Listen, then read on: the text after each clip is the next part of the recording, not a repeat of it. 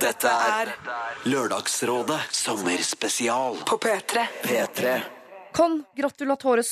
Du har altså lastet ned en Lørdagsrådet-podkast. Er det din første? Jeg vet ikke. Er det din tusende? Jeg vet ikke. Eh, Det er en god podkast du har valgt, i hvert fall. For dette er eh, en podkast bestående av gamle klipp eh, fra Lørdagsrådets tidlige, tidlige historie. Så her er vi spedbarn, alle mann. Eh, Tenk at vi er nakne og går i bleie og gir råd. Kos deg. P3. Dette er Lørdagsrådet På P3. P3. Eh, Liv Nelvik, Christer Torjussen, Sigrid Bonde Tusvik. Dere sitter nå og koser dere med brød. Det var så Er dere i stand til å prate? Ja, ja. Nei, nesten ikke. jeg er det. Jeg er sånn eh, Kall det profesjonell, eller jeg vet ikke, men eh, når, liksom, når vi er i gang, da, så legger jeg liksom til side maten. Inni munnen? Jeg er ute det. Oppe til siden? De slutter, slutter å tygge, Å, liksom. ja, sånn. Ja, det er ikke sånn hamsteraktig. Det var ikke Nei. en po- utposning i munnhulen. Nei, jeg lurer den ikke ned i halsen og hoster den opp igjen etterpå og spiser den. da. Å, det kunne vært godt. Frostetrykset. Er dere klare for første problem? Det, er, eh, det handler om å være forelsket. Det har vi vel alle vært. Kan jeg alt om. Eh, hei på dere. Jeg sliter litt med et problem som jeg gjerne ønsker deres uttalelse om. Jeg er ung, gift og har barn. Det er helt OK. Verken mer eller mindre.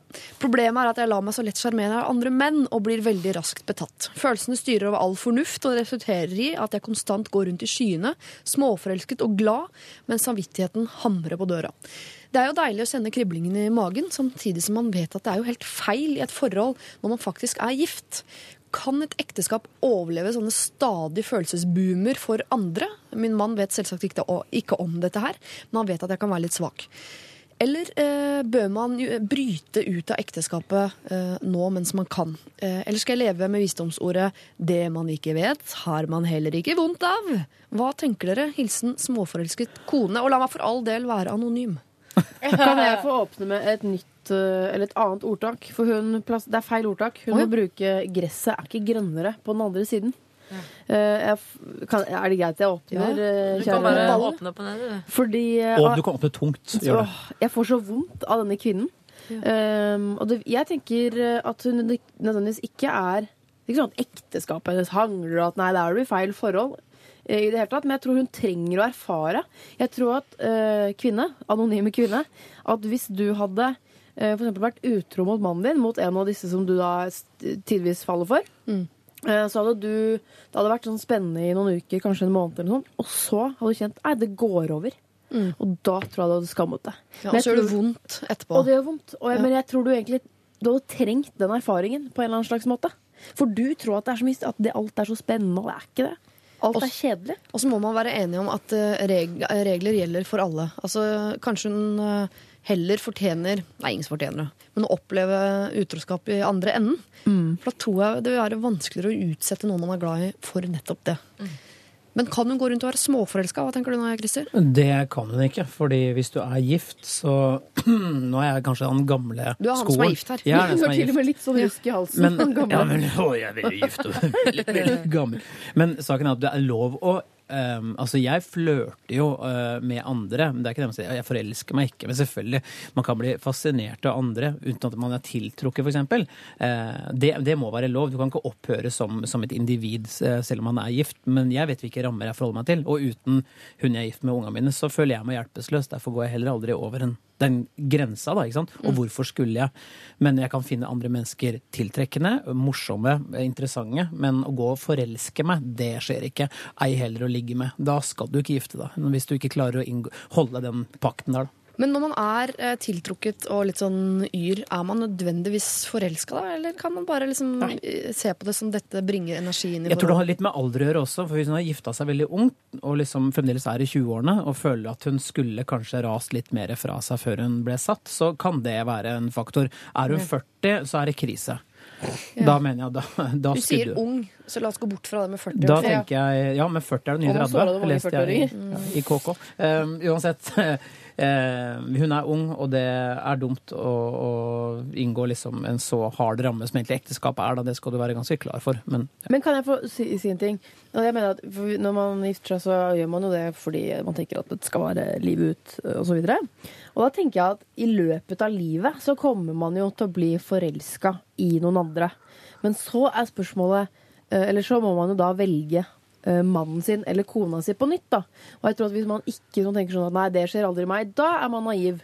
Ja. Men sånn som eh, ung kvinne, anonyme unge kvinner holder på, da har du et problem ikke sant? når du lar deg liksom begeistre av omtrent alt som passerer. Ja, i hvert fall det er Passerer, hele tiden. Ja, så er det- hele tiden.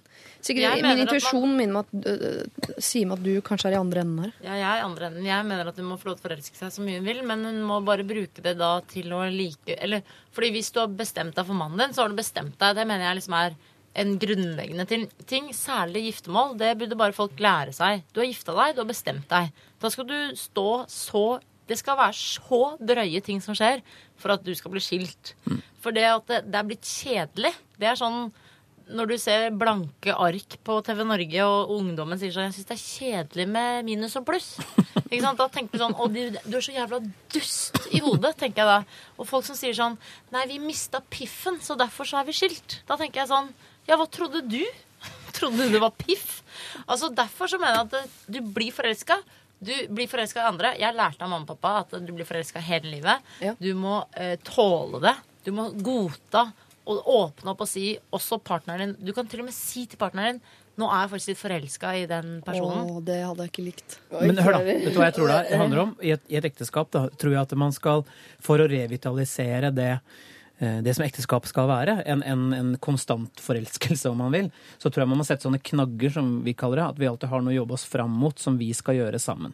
Eh, Det være seg tre dager til Berlin, et eller annet som bare vi gjør, uten barna og sånne ting. Ja. For da får vi tid til hverandre. Fordi en hverdag med unger og stress og barnehage fram og tilbake, smøre brødskiver, hente, kjøre, ordne, styre, fikse, så er liksom romantikken har en lei tendens til å måtte flate ut litt. da. Men hvis du er flink til å holde det far sånn, da gjør vi det, og setter av konkrete liksom tidsramme for dette skal vi gjøre sammen, så tror jeg man klarer å holde et ekteskap gående. da. Eh, fordi- Små ferier er veldig Altså, det er en boost for alle forhold. Det anbefaler Ferie er også en risikosone for ekteskap. Det er veldig mange ekteskap som går til helvete når de reiser til Syden, men da Men da reiser de for sjelden til Syden. Ja, ikke sant? Det er noe med det. Hvis man ikke orker, for det er ofte da får man enda mer tid til hverandre. Hvis det er da det ryker, da syns jeg det er fornuftig at det skal ryke. For det betyr at du ikke orker å være sammen med mennesket eh, lenge av gangen uten at det skjer veldig mye annet som tar Ja. opp egentlig all tid. Men eh, jeg Hva skal hun gjøre, hun her, da? ja, for jeg synes det er litt urettferdig, for mannen hennes vil jo nødvendigvis komme litt til kort. For han har ikke muligheten til å være like fascinerende som alle disse nye mennene man møter hele tiden. For han har du på en måte allerede funnet. Du har skjønt han, du har sett han, antageligvis sett han sitte på do. altså alt, Mystikken er borte ved mannen din. Og da vil jo alle andre menn på en måte ligge et hestehode foran på det der eh, i forhold til å bli forelsket. Det er litt urettferdig. Selv om man skal velge mannen sin igjen og igjen og igjen gjennom hele hver gang man blir forelsket, så skal man jo velge mannen sin på nytt. Ja, men hun må gjøre det hver dag. jo- Ja, men se for folk som er gift, altså, eller vært lenge så lenge i forholdet, sitter liksom og promper i, ved, ved siden av hverandre i sofaen. Da har du allerede tråkka over en grense, syns jeg. Altså, et uhell er gøy, da kan man le av det, men å sitte liksom og lire fra seg, liksom, og så le av det og dytte uh, lukt bort på ektefellen din, det er så dust. For, men da har du på en måte tatt Det dreper kjærlighet, da. Hvis på en måte den der litt bluferdigheten og eh, mystikken som du snakker om Jeg går ikke, jeg, stå, altså, jeg sitter ikke på do mens, eh, mens. Hege står og, og, og sminker seg på badet. Virkelig ikke. Nei. Jeg kvier meg for å på en måte by på den siden av meg sjøl, for jeg vil at, jeg, vil at vi skal opprettholde en slags type verdighet. Da. Men hva skal vi si til småforelsket eh, kone? Skal hun prøve å slutte å være småforelsket hele tiden? Eller skal hun bruke den energien inn i ekteskapet? Eller skal hun Nei, si det til mannen sin? inn i Nei, nei. Du må, nå må du slutte å være forelska. Og hvis det der ikke gir seg, så er, da er det ikke dere to. Du kan ikke, du kan ikke gjøre det mot en annen person. Gå rundt og være småforelska. Men det er som du sier, spørsmålet er om hun er forelska eller bare sånn keen. Det virker som om du egentlig bare trenger bekreftelse på deg sjæl. Mm. Det kan du få på Facebook. Det kan få på Eller bli komiker. Driv med et eller annet du får oppmerksomhet bak noen ordentlige kaker. Ja, Få på noe applaus hver dag, Lag en blogg hvor folk skriver en sånn skikkelig fin bakeblogg hvor folk skriver sånn 'Å, wow, du er flink, du er flink, og du duger', og sånn. Kanskje det hjelper. Ja, Gi et kompliment hver, en gang hver dag. Det er, selv om det er selv på de dagene hvor det er dritt, si noe pent om kjæresten din. Prøv. Ja, Begynn å gi komplimenter innad i huset og se om du Ja. får noen Funker tilbake. som bare Ja. Det kan funke. Det det var bra tips. Å, det var koselig. Det skal jeg hjem og gjøre. Jeg er ung, gift og har barn. Det er helt OK, skriver hun. La meg for all del være anonym. Ta og så Gjøre om det der ekteskapet ditt fra å være helt OK til å bli noe du kan finne energi i. da. Ja. Slipper du å gå rundt og være småforelsket. Men noen småforelskede innimellom, ja. Det må være lov. P3. Mannen og jeg har flyttet sammen igjen denne helgen etter å ha vært separert i seks måneder. Jippi! Nå skal vi ha ting fra to leiligheter inn i én. Ikke veldig så stor leilighet. Hvordan kan jeg kvitte meg med tinga hans uten å fornærme han? Er så mye rot. Ikke snakk om møbler, men rubbel og rot.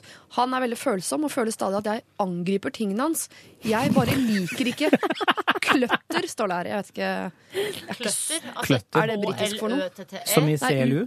Uh, Slutter med ikke, Ja. clutter, det er jo Er det clutter, rot? Det er jo litt sånn rot og Ja, dill dall. Her er det altså et par som har vært separert i seks måneder, nå funnet tilbake til hverandre, men han føler stadig at hun angriper tingene hans, og hun, liker, altså hun vil kaste Angriper, alt. det ja. Jeg har erfaring med det. Ja. Ehm, jeg traff jo Martin med en tsunami av eh, pappesker da jeg flytta inn til han. Og han eh, var borte i seks måneder, faktisk. Vi var ikke separert, men han bare forsvant under den pappeskeinvasjonen. I en fant jeg han sånn tynn og, sånn tynn og blek under 40 pappesker etter hvert. Gravde han fram. Og så eh, sa han til meg at eh, han følte seg veldig invadert og vurderte å gå til eh, ja, sånn Sånn flomofferterapi, da. Og så sa jeg ja, men jeg lover deg, det her kommer til å gå så bra. Sånn, jeg skal bare snekre opp fem hyller, så setter jeg mine ting der, og så blir dette bra. Men så fant jeg en sånn derre P. Diddy, eller jeg vet ikke, en sånn derre voksfigur, liten sånn fyr som står ved siden av TV-en hans og holder en sånn sigar i en sånn liten, en sånn dokkeaktig greie.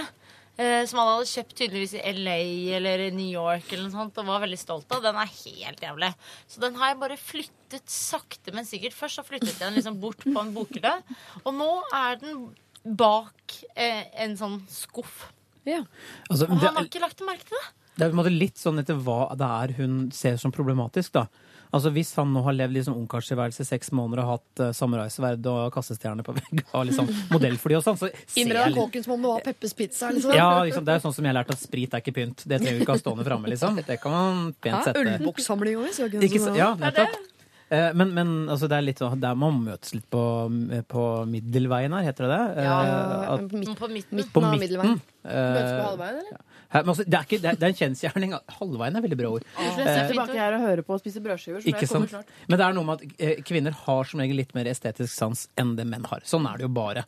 Eh, med mindre man er veldig interiørblogger og gay. Eh, så, så Eller eventuelt at eh, kvinnen har slengt seg på afrikansk kunstpakka. Da må mannen ta over. Da- er, Men da er du allerede i ene- nærheten av skilsmisse fordi du går på afrikansk trommekurs og syns at eh, Jeg syns vi skal droppe det med halvveien. Jeg syns faktisk at menn må gå litt lenger på den middelveien og møte dama ganske nærme hennes mål, fordi eh, det er vi som kan det interiørgreiene. Ikke alltid. Jo. Altså, Jeg sa til. Ikke Martin Østfold, for kan eksempel. jeg, få et, kan jeg få et skap, sa jeg til Martin. Og så sa han ja, men jeg tror ikke det er noe ledig. Så sa jeg hva med det, hva med det kjøkkenskapet der det bare står shotglass? Er det mulig, er det mulig å flytte de? Kan jeg bytte ut ut ene shotglasset med et eggeglass? er det mulig? Og da sa han ja, men hva med at du bare kaster den salatslynga rett i veggen og driter i å ha det? Altså, ikke sant? For menn skjønner ikke hvorfor har du salatslynge. Men hva med den tegneserie... Ja, den er borte. Ja, det er borte. Martin har jo hatt Rocky på veggen. Altså, en, Det har vi snakket om før, faktisk, i Lørdagsrådet. Ja. Som du skrapte av. Den skrapte Det jeg. synes jeg er helt riktig. Ja, det synes jeg Hva med denne dama som er kjempeglad for å, å endelig flytte sammen med mannen sin igjen, men vil kaste alle tingene hans? Skal hun bare flytte det gradvis nærmere og nærmere søppelkassa? Hvis hun er veldig glad i ham og er veldig glad for at de er sammen igjen, så skal hun gi ham litt grann slack. Jeg er enig med at Kiss-plakater ikke hører hjemme i en stue hvis man på en måte skal tilbake i ekteskap, men uh, la han nå ha litt av dillet sitt, men nødvendigvis ikke alt stående sånn på Bare sett, bordet. ja, sett det inn i en bokhylle, og så tar du bøker foran etter hvert. Også en bokhylle med dører. Ja, Nei, ikke glass. etter hvert. Ikke glass. Glass, eh, glasskap hører ikke hjemme noe sted, egentlig. Altså nederste hylle i bokhylla. Rent, et rent glasskap. Nei, nei, men med glassdører. Det Ja, er ja. foran bokhylla for at det ikke skal bli støv inni der. Den nederste, nederste hylle bokhylla, den, den ser jo ingen, ikke sant? For det er en lav hylle. Den, mannen ser den litt. Mm. Og så kan du bruke argumentet, men det ligger jo der. Det støver så fælt. Ja, det er bra. Sånn samurai-sverd. Vær litt uh, takt. Ikke angrip tingene hans, Nei. er vel rådet vi kan gi. Men flytt det gradvis uh, sideveis og opp i en bokhylle. La ham få lov til å beholde noen ting, og så flytte ja, eh, med jevne mellomrom. Ja, det er et kjempe... Og ikke si noe om dette til han. Dette er tips du har fått anonymt fra Lørdagsrådet. Ja. Ja, jeg vil ikke bli nevnt. Hvis han har hørt på nå, så er det fucked. Da må du finne på noe helt annet. Da får du ringe et annet program og se om de har noen råd å gi deg. Dette er Lørdagsrådet. På P3. P3. Mitt problem, ja, jo, det har seg sånn at jeg har vært gift med en i fem år. Vi har vært i lag i åtte. Vi har et kjempebra forhold og ekteskap. Det er kun ett problem, og det er at vi har hatt sex én gang på alle disse årene. Noe som jeg syns er veldig frustrerende. Jeg har mange ganger hatt lyst til å pakke kofferten og reise, men problemet er at jeg er så glad i denne personen. Jeg får det ikke til. Jeg er utrolig redd for å miste personen. Hodet mitt sier at jeg skal dra, men hjertet mitt sier at jeg skal bli. Jeg blir gal ø, ø, av forvirringen. Jeg håper jo enda at det skal skje noe på den seksuelle fronten, men håpet svinner mer og mer for hver dag som går. Jeg ønsker meg jo uh, flere barn. Jeg har et barn fra et tidligere forhold. Men det ser ut som jeg bare må legge det på hylla, for ingen sex, ingen barn. Jeg blir gal av tanken på at jeg skal ha det sånn som dette resten av livet. Jeg blir lei meg av tanken på at jeg skal ende opp uten denne personen. Hjelp! Har dere noe? Uh, har dere noen råd å komme med? For jeg er rådløs. Jeg vet ærlig talt ikke hva jeg skal gjøre lenger. Hilsen en som sårt trenger hjelp. Og det er vel eh, en av de riktigste setningene jeg har hørt på lenge. Hilsen en som sårt trenger Det er nesten sånn at jeg tror du har laget denne mailen for å psyke oss ut. Så god er ikke min fantasi. Nei, det er det jeg Da hadde jeg skrevet For- Mm. 'vi har hatt sex bare ti ganger'. Jeg, skrevet. jeg hadde ikke kommet på tallet én. Ja, men jeg, ikke for å, jeg, du som sårt trenger hjelp, det er ikke meningen å ikke gjøre det vanskeligere for deg, men jeg, det er Vi må bare være enige om at det er meget spesielt. Skal jeg fortelle mine umiddelbare tanker? Ja. Det er ofte viktig når du hører en ting, så begynner hjernen, og så må man ta det som først kommer. Ta det. Eh, ja, skal vi se, hva var det?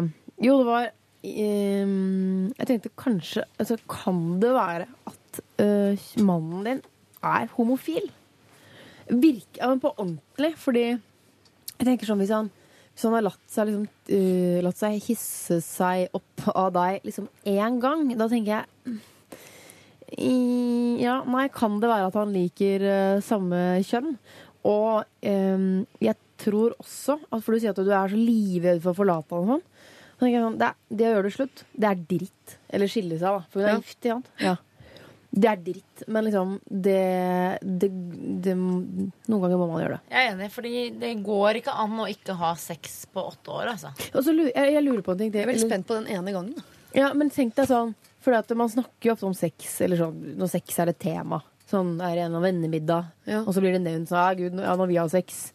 Er, ikke- er ikke det en sånn stor sånn elefant i rommet hos dere, liksom? Sånn der, øh, vi har- For vi har jo ikke sex, vi. Er ikke det liksom Kanskje hun ikke har sagt det til venninnene sine. For det er jo, jeg vil jo, jeg vil jo tro at det ligger noe sånn skam inni bildet her. For det er jo Ja. Men jeg tenker mellom de to, altså mellom mann og kone. Det må være en elefant mellom altså for de.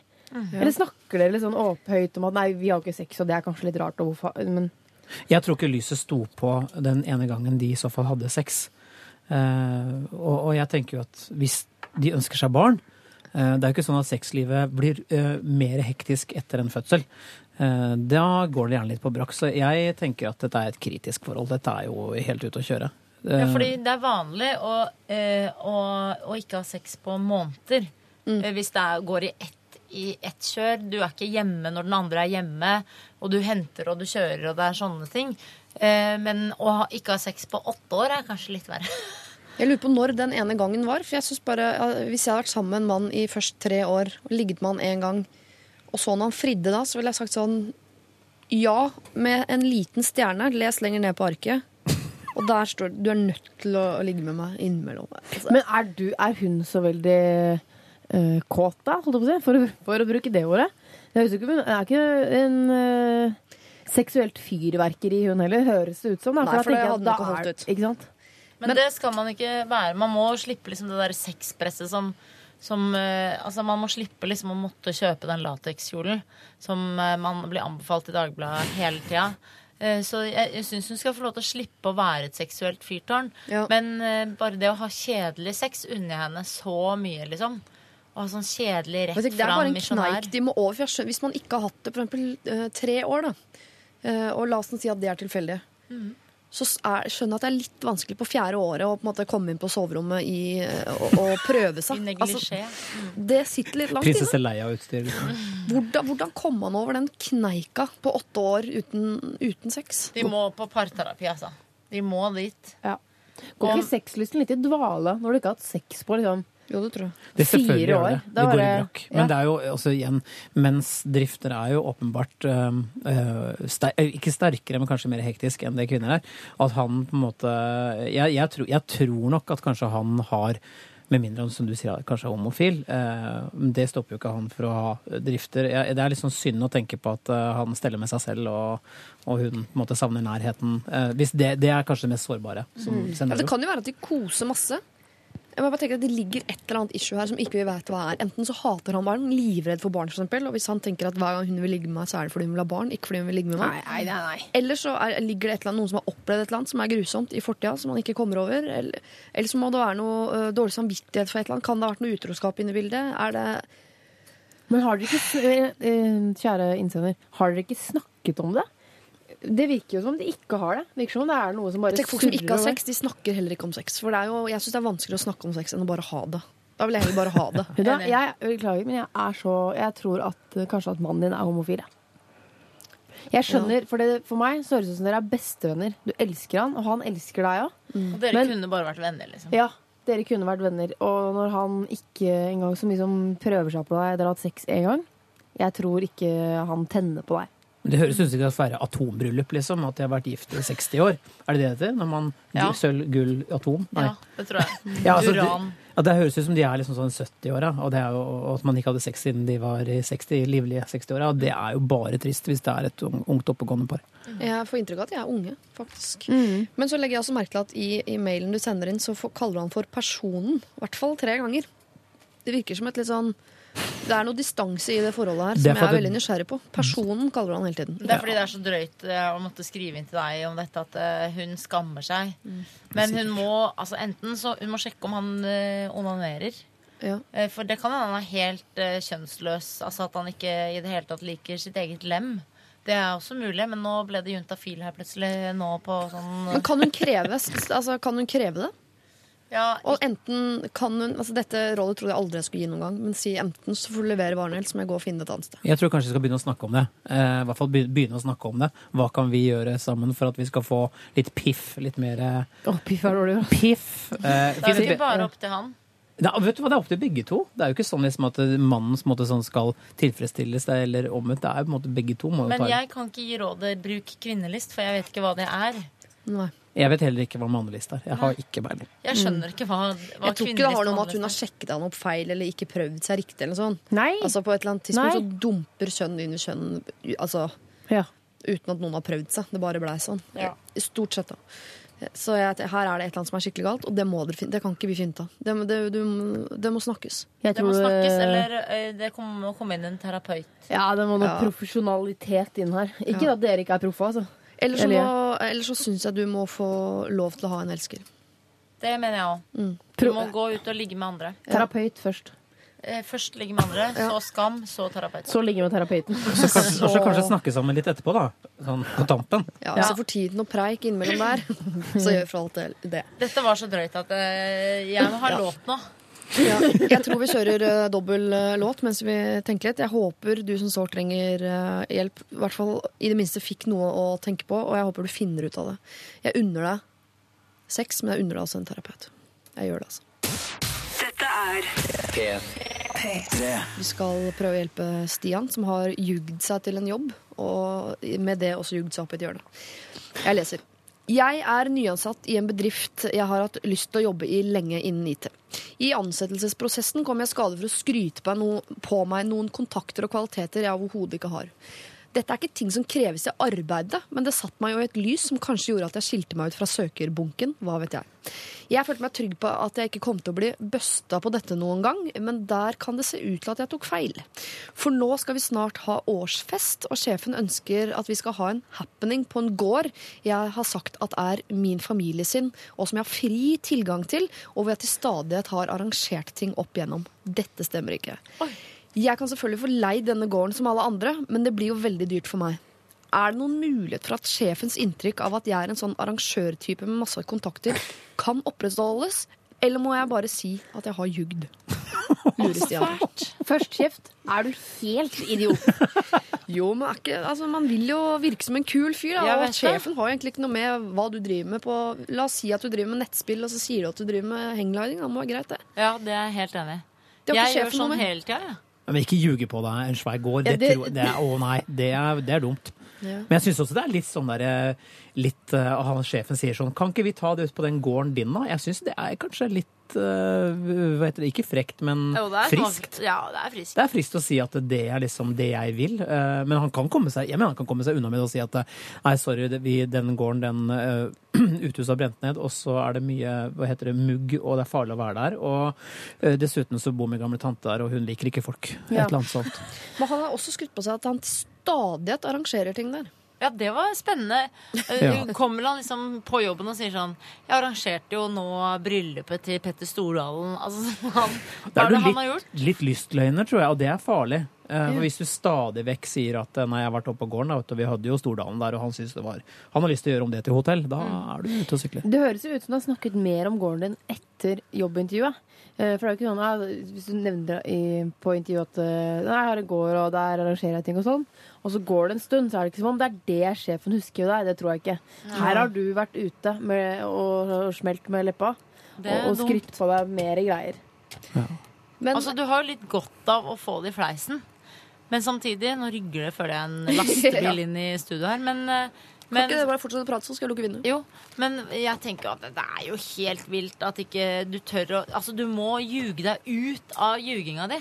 Det er det jeg tror eh, han må gjøre. Jeg tror Ja. han har, som, som Sirius har jugd seg opp i et godt hjørne nå. fordi at hvis du stadig vekk snakker om denne gården, Mm. da er du tilbøyelig til å si sånn Jeg har en yacht eh, også. Eh, masse store ting som, som man ikke håndterer, da. Det er helt åpenbart at han ikke håndterer dette her og lyve om den gården, for han vet antageligvis ingen, ikke engang hvor denne gården er. Ja. Han Kan, du burde si 'I got 99 problems, but the bitch ain't one'. men, kan du ikke si det, da? Si sånn Nei, det passer dårlig, passer dårlig med den gården, men vi kan ta det på yachten. Si det. Og så se hva som skjer da. Nei, så- vent nå litt. Vet du hva jeg tror han skal si? At dette, denne gården ligger jo i familien. Og nå er de så lei av alle disse eventene og arrangementene vi har hatt der oppe. Og nå er jorda ødelagt. Og da har vi vi har kjørt svære traktorer opp og ned. Det er liksom blitt grisa til. Og det, så de klikker i vinkel for Så. Stian skal fortsette, det er ingen av dere som dere, dere er alle på at han skal fortsette å ljuge. Det er Ja. som mener han skal krype til korset og si Nei, sånn, jeg vet du hva, jeg er egentlig en skikkelig døv fyr. nei, Men jeg har vel gjort en god jobb. Eller, og jeg kan godt være med å arrangere julebordet. Eh, jeg, Live, min personlighet, sier ljug, ljug, ljug, ljug. Ljug det ut av det. Og si opp jobben etterpå. Ja, ja nei. Kryss fingrene for at det går bra. Uh, men uh, jeg vet ikke. En eller annen politimester Bastianen i meg sier at du, nå må du legge korta på bordet. Jeg tror kanskje du trenger å legge korta på bordet, for du er, som alle her eh, nevnte, du høres ut som en lystløgner. Mm. det er ikke bra. Nei. Og dessuten, hvis han nå ljuger seg ut av det denne gangen, at tilfeldigvis i år var råte på loftet, så vil jo dette spørsmålet dukke opp igjen. For sjefen han er keen på teambuilding neste år òg. Ja, ja. Da må du ljuge igjen. Kan jo hende at hvis det han, hvis han sier til sjefen min eh, hva syns du om hvordan jeg fungerer på jobben, eh, la, la, la, ikke sant? Du får inn sånn, sånn hvordan syns du det har gått siden jeg ble ansatt. Um, og så dropper bomba og sier vet du hva, jeg har, eh, for å gjøre et kjempegodt inntrykk for å få jobben her, så, så har jeg tatt i litt. Og den gården forresten, den Og jeg vet ikke hva jeg skal gjøre nå, men og kanskje ja, Det er modig å gjøre. Ja, det hadde jeg aldri klart. Den gården er ikke min, man kan si, men det eh, Men jeg kan leie den. ønsket om å arrangere ting på en gård, det er helt sant. Jeg har alltid drømt om å arrangere masse, så hvis du vil at jeg skal sitte i julebordskomiteen herfra ut, så gjør jeg det med glede. Hva med Kan man ikke si at det er familiefeide? Det er alltid det på gård. Herregud, fra Orderud og oppover så veit vi at det, det der er livsfarlig å drive med. Han må bare si det er blitt dårlig stemning mellom kårhuset og Kårboligen? Og, og Det er dårlig stemning i kårboligen. Ja, da, og da skjønner alle. Da sier alle bare OK, OK, slipp det hold bare alt de har i hendene. Ja, det kan man si si sånn Gårdsgutten forskansa seg. Ikke sant? Og i tre dager men Han hadde visst eh, Han hadde tatt folk gissel og masse Eller at det er blitt pest. Pest, det er også mye ja. pest Ja. på gårder. Det er det. Hjortelus. Svartedauden. Vi har fått Har potetål, sånn at vi må Ja. Bare fyr på, liksom. Liv, ljug mer med det. ja, det, det er på sjøen. Men du, hva med Bare det var kort den taktikken her. Ja. Du er sånn innbiller folk at eh, Nei, det har jeg aldri sagt. Åh. Skjønner du? At Ja. eh, du må innbille sjefen at han har At det er han som er gæren. Har jeg, jeg har ikke sagt det. Forvirre. Hva, jeg ikke hva Det er du som har snakka om den gården. Ja, ja. Og det er altså sleipt. Og da er du eksepsjonelt modig hvis du tør å gjøre det. Ja. Da må man Aldri si, Jeg tror du har misforstått veldig her, fordi jeg har aldri sagt at det Og så kommer det. Å, det er nydelig. Gjør det. Er ikke det gøy? Å, gjør det. Å, Men det er bare gøy. Det er skummelt. Da. Det er. Det er hersketeknikk med stor risk for å gå på en smell, men eh, absolutt interessant. Altså så spennende liv, da. Eller reagerer med setningen 'Å, du trodde på det'. Fett, da. Jeg vant veddemålet, så går du ut i high five til en eller annen tilfeldig som går forbi. Som ikke skjønner noen ting. Det er veldig gøy. Hei, Å, det er mye, mange løsninger, syns jeg. Stian, vi vet ikke mer om deg enn hva du heter, og at du antakeligvis er lystløgner, så hva som er på måte din approach til dette. eh, Men hvis du vil fortsette å ljuge, så har du fått masse altså, mm, gylne ting du kan bruke i ljugeprosessen. Hvis du er en mer sånn en real type, så går du til sjefen din og sier at du har ljugd. Dette er Dette er P3. Moren min er hellig overbevist om at vi er helt like. Jeg er sikker på det motsatte, men i det siste har jeg begynt å mene ting jeg ikke mener, bare for å distansere meg. Er jeg ute å kjøre? Skjønner Eh, dere? Jeg skjønner skikkelig problemet at hun, at hun prøver å distansere seg, men jeg tror ikke det hjelper på, på mødre som har bestemt seg for noe. Jeg forstår meg ikke på dette problemet. Oh, jeg, fordi mødre Jeg vet ikke, jeg er i hvert fall ganske klar i talen til min mor. Ja. Så hvis hun hadde sagt sånn Gud, vi er så like! Da hadde jeg sagt sånn Nei, det er vi ikke. Ok, Og så hadde det på en måte vært ferdig da. Jeg skjønner ikke hvorfor du stryker moren din så innmari medårs. Jeg gjør alt jeg kan for å ikke ligne på faren min. Det er jo virkelig en heldagsprosjekt for meg. Det er sant. Men, eh, men da minner du deg selv på jeg må ikke være faren min, jeg må ikke være faren min. Ja, veldig ofte. Så Ja. hver gang du begynner å være litt sånn legeaktig, så må du snakke strengt til deg selv? Nei, ikke akkurat med leger. Det har med å være en sosiopat, liksom. Det er, eh, eller en person som har vansker for å omgås med andre mennesker. For jeg ligner veldig på mamma, Ja. og jeg blir veldig irritert hvis mamma sier at jeg ligner på henne. Men det er fordi at eh, jeg ikke vil ligne på henne, og så sier hun du ligner veldig på meg der, og så tenker jeg i helvete, jeg ligner sånn på henne. Ja. Uh, og da er jo det det som er irritasjonsfaktoren. Hvorfor vil man ikke ligne på moren sin? Fordi man har syntes at det har vært skikkelig irri og bestemt seg i tidlig tenåra at jeg skal aldri bli som deg, din fittekjerring. Jo, men da er Foreldre forteller hele tiden hva du skal gjøre og ikke skal gjøre. Så klart du distanserer. Du vil jo ikke være sånn som de. Men jeg tar meg selv å være altså jeg kan ikke, no- Genene mine gjør at jeg har noe fra begge hold. da. Jeg ligner jo mer og mer på foreldrene mine jo eldre jeg blir, og det er det kritiske. Jeg har bikka 40 og merker stadig vekk at jeg har sånne nykker som foreldrene mine har, på godt og vondt. At jeg kan si sånne helt ubrukelige ting, at liksom skru ned musikken, og at jeg liksom blir sånn og bråker det fælt, og vær så snill. Jeg kan bli sånn litt sånn kjerring og Men da gammel ligner du ikke nødvendigvis på dine foreldre, men da ligner du på foreldregenerasjonen. Fordi det er det. Ja, du har jo blitt det. Hele vår foreldregenerasjon er jo fucked. Da. Jeg har ikke møtt ett menneske som har normale foreldre. på Ikke det. Ikke Ikke ett ett, eneste nei. menneske jeg har møtt som har to normale foreldre på, på min alder. Hva er normale foreldre? En uh, pappa som er normal, en mamma som er normal, at de lever normalt sammen. Ikke en sånn pappa som kommer og, med naken med klokke rundt tissen. Det er ikke helt normalt. Nei, familien er ikke normal, Sigrid. Jeg trodde det var Ikke helt prøvende. normalt helt til jeg var 18 år og fikk lære at det er ikke normalt. Nei, det er ikke normalt å ha uh, flådd katten sin og ha skinnet liggende foran peisen. Hæ, er ikke det normalt Nei, heller? Jeg er føler at jeg har vokst opp i en veldig rar familie nå. Ja, du har det. Mm. Ja, men de er i hvert fall sammen, da. Altså, Pappa pleier å vekke meg og søsteren min med motorsag og si at han skal klippe tåneglene våre. Det syns jeg er så nydelig. Oi. Det er på julaften. Jeg lurer på om det nesten blir det beste rådet. At hun som lurer på om hun er ute å kjøre. Uh, nei, det er ikke du som er ute å kjøre. Det er Det, foreldrene dine. det er eh, Bonde Tusvik-familien som er ute og kjøre. Men jeg syns det er helt greit at du prøver å distansere deg fra moren din. Ellers kan du gjøre som Live. Sette ned foten og si nei, mamma, vi er ikke like. Det det koster liksom Det koster ingenting. Ja, men det kan moren her kan da klinke til å si sånn Akkurat som jeg skulle sagt det selv! Gå og heng deg, mamma, kan du si da. Nei da, ikke si det. Ikke si det. I Nei, hvert men du fall ikke må når hun da hører på. bare si kjeften på deg. Jeg syns det er slitsomt at du sier det. Det kan hende vi ligner skikkelig mye, men det, ja, vi kan ikke snakke om det. Ikke eh, gjør meg oppmerksom på det hele tiden. Hvis vi er så like, så, så trengs det vel ikke å snakkes om. Nei. Et eller annet. Eh, alle, ikke alle. Jeg sender meg veldig godt igjen i akkurat det der. Mamma, Ja. mamma hvis du hører på, var jeg som sendte inn. Nei da. jeg kunne sendt inn en tilsvarende SMS. La meg være et individ! For helvete! Åh.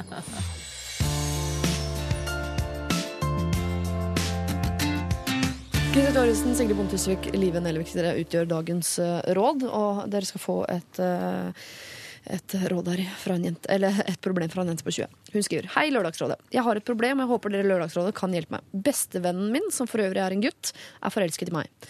Han startet å få følelser for meg for omtrent et år siden. Følelsene er dessverre ikke gjensidig.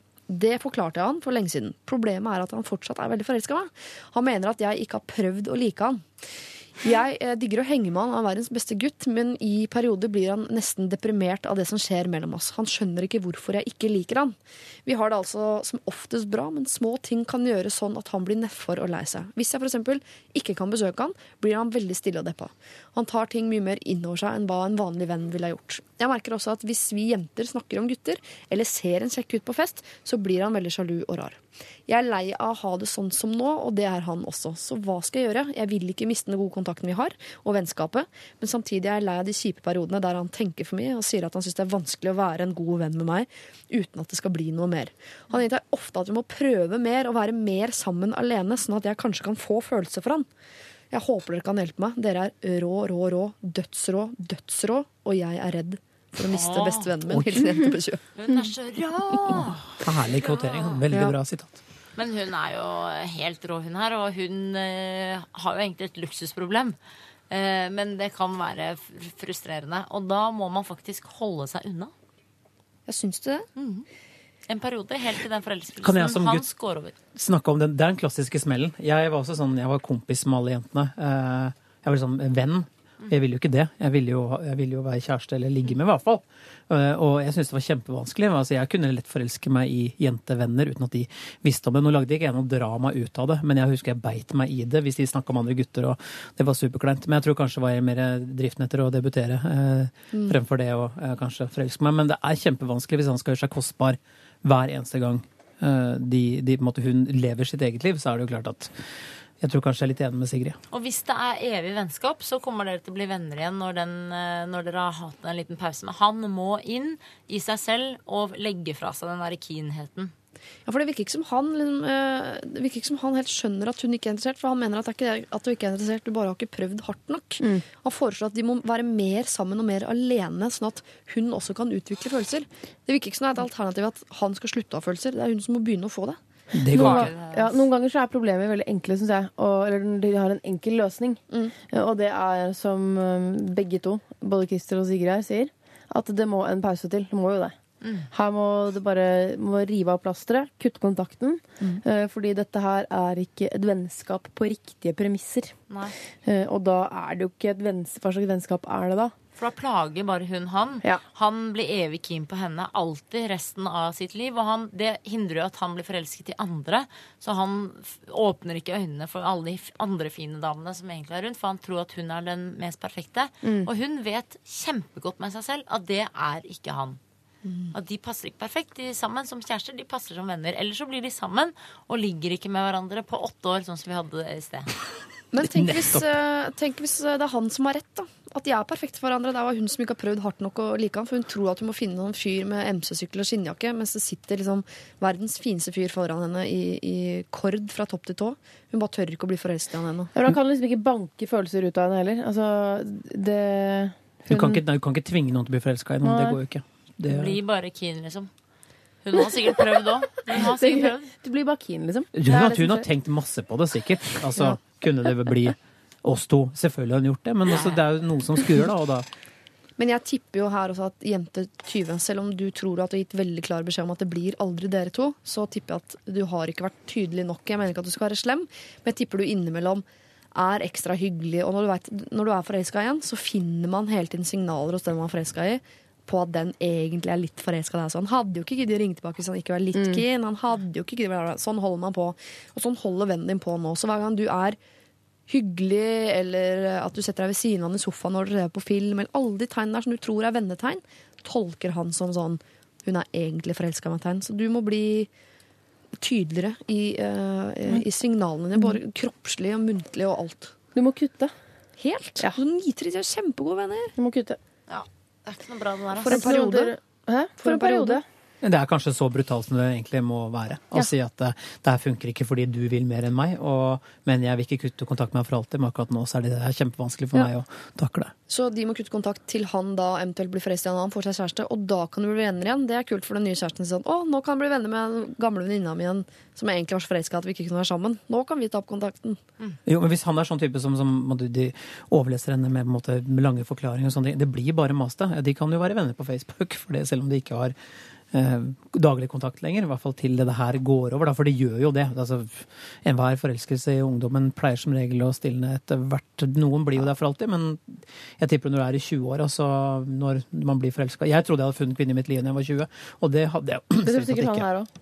Det tror han helt sikkert. Mm, Helt Jeg var helt bombesikker. Jeg Jeg lagde, helt bombesikker. jeg lagde drama. Jeg sto og gråt på Torgallmenningen i Bergen og skulle skrike henne tilbake. Og hun bare syntes jeg var kjempedust, og det har hun helt rett i. Hele Bergen er enig om det. Um, vi er ikke helt enige her i Lørdagsrådet, men jeg bøyer meg. Det er, det er dere som er liksom hovedrådgiverne. Og rådet i mine ører, eh, selv om det skjærer meg i hjertet å si det, høres ut som blir eh, at du rett og slett eh, må dumpe han som venn. P3. For litt siden vant jeg to billetter til Barcelona, fly, hotell samt en del oppvartning. Ganske fet premie, rett og slett. Eh, Da eh, jeg er singel, så ba jeg med meg en venninne som også er singel. Hun er ikke blant mine beste venner, men dere vet, for en singel dame er det morsommere å dra på storbyferie med en annen som er singel, enn en opptatt småbarnsmor som er sliten og har slutta å danse. Men så har det skjedd to ting. Jeg har møtt en fyr. En fyr jeg liker veldig veldig godt og vil bli bedre kjent med. Gjerne i Barcelona. Problemet er at denne fyren er broren til hun som egentlig skulle være med til Barcelona. Hun er i utgangspunktet sur på at vi er på dealeren. Ikke spør meg hvorfor. Hun sier bare at hun ikke liker det. Jeg vil jo ikke ha med henne når hun i utgangspunktet er sur, men jeg vil gjerne ha med meg han. Men da blir hun vel surere. Kan jeg bytte? Åh, Vet du hva det heter på ungdomsspråket? Nei. Smell. Enig, ass. Det der er helt vilt. Stakkar. Det er sånn skikkelig nerd-problem, fordi du har jo så lyst til å ha med han fyren. Du er sikkert dritkeen på han. Og bare å se for deg den ferien, da. Som er bare sånn, den, den kan være liksom avgjørende for at dere blir et par.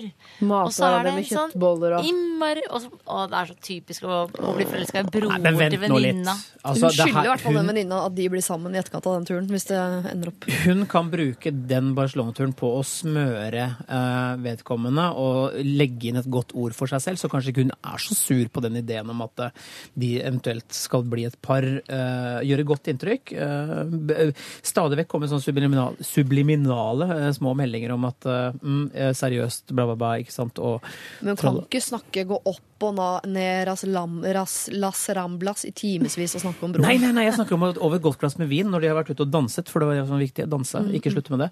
Eh, jeg tror hun har god mulighet til å legge inn noen aksjer for seg sjæl. Oh, ja, så tror du mener dra på tur med venninna? Hun, hun kan ikke være sur hele helga. Vet du hva, Det må gå over. Å droppe henne, droppe henne og si at jeg tar med broren din isteden, tror jeg blir dårlig stemning. Det vet ikke. Hvis du er sånn typisk menneske som blir tverr og ikke klarer å legge det bak deg, det kan jeg bli på ferie. ass. Du kan være tverr i mange uker. Var Hva? tverr i fire og en halv uke for det, i januar. Jo, men hvis hun tar med denne gutten, broren, som jo antageligvis har mest lyst til, så kommer jo denne venninnen, som ikke er den beste venninnen, men hun er fortsatt en venninne, til å være sur for evig og alltid. Da har du, på måte, da har du uh, sagt nei takk til det vennskapet, Ja. og du vet ikke om det blir noe med broren heller. Så du kan potensielt ha mista begge. Kan du ikke be broren om å insistere på å være med på den ferien, og at broren må ordne opp med søsteren, så slipper hun å stå der mellom dem? Nei, det funker ikke. Okay. Nei, Kan hun sende de to? Nå forflytta du Det var- Og bli problemet. hjemme selv? det var lurt. Nei. Hva sa du nå? At hun sender de to og blir igjen selv. Da, så vil de to være der nede i dagevis, spise tapas og snakke om hvilket fantastisk menneske de har med å gjøre, og unne hverandre Ja. henne. Skal jeg si hva hun må gjøre? Ja. Hun må dra Hun har ikke noe valg. Sitter du med fasit, så har du holdt munn til Ja, nå. ja. Hvorfor gjøre sånn? Jeg tenkte bare jeg skulle la dere leke litt. Ja, Så ja. Og nå kommer kommer bomben. oraklet på slutten. Ja, hun må på tur med venninnen. Altså, hun har ikke noe valg. Hun er invitert med venninnen, og venninnen er appetitt sur for at hun tenker sånn Du ligger med broren hennes. Du, kan ikke, du får, får ikke forsyne deg av broren hennes og si sånn Du får ikke være med til Barcelona likevel. Det er dårlig gjort. Eh, dessuten så må jeg faktisk minne om at dette er en gratis tur. Så det er ikke sånn at du taper penger på å ta, ta henne med. Eh, sånn at eh, økonomi, Du er på en måte i null, så det du må gjøre, du får bestille deg en ny tur. F.eks. helgen etter, eller helgen etter der. Til Eh, Barcelona. Eller til London. Så får du og han typen da gå og se Velg en annen by. eller ja. Enig. Nei, ta samme by, så uh, ser du på den første turen her som en gratis sånn researchtur. av Hvor du spiser litt sånn dårlig tapas, leiter etter den gode, osv. Jeg tenker at det, du har veldig rett, livet. Det er nok sånn det må bli. Og det er, og det er, det, er voksenpoeng til deg. Altså. Fordi det er Foreldre hadde sagt det der. Foreldre, foreldre hadde sagt til barna sine Vet du hva, nå har du lovt venninna di å dra. Da må du ta med venninna di. Det er ikke lov å sånn Men mamma!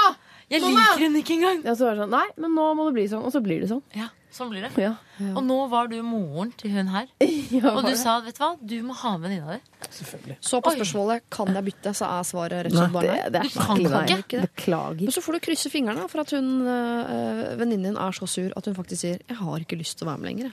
Nei vel, for da er det up for grabs hvem som blir med. Men du- Da kan du ta med både mora og broren hvis du vil. Ikke glem hvor smart det er å på en måte smigre venninnen din nå, for hun er tross alt søstera til typen du ligger med. Ja. Så hvis du er ordentlig kul på den turen her, så smitter det noen gode ord. Det var det jeg sa. ikke sant? Bruk Ja. den turen på å på en måte smøre henne litt. Smart. Smøretur til Barcelona, rett og slett. Vinne gunst, altså, rett og slett. Ja. Det er sånn vanlig businesstur, det der, altså. bli en del av familien. Så kan du gå på disko med henne, så sparer du Gaudi til typen. Da. Dette er Lørdagsrådet På P3. P3. Typen min har chinchilla. Eller si... Uh, Uttalelsen sånn. Chinchilla. Chinchilla. Er det en noen som har kjønnssykdom? skapt sitt eget problem? Det kommer mer, da. Det er Er ikke det en hele. kjønnssykdom? Det var det som ble Nei, problemet det her. er Med rumpa. Ekornlignende dyr. Ja. Æsj. Blanding av ekorn og hamster eller noe. Uansett, typen min har uh, chinchilla. Jeg er allergisk. Nå skal vi flytte sammen. Han nekter å kverke dyret. Hva gjør vi? Det må Omplassering. omplasseres. Sette bort.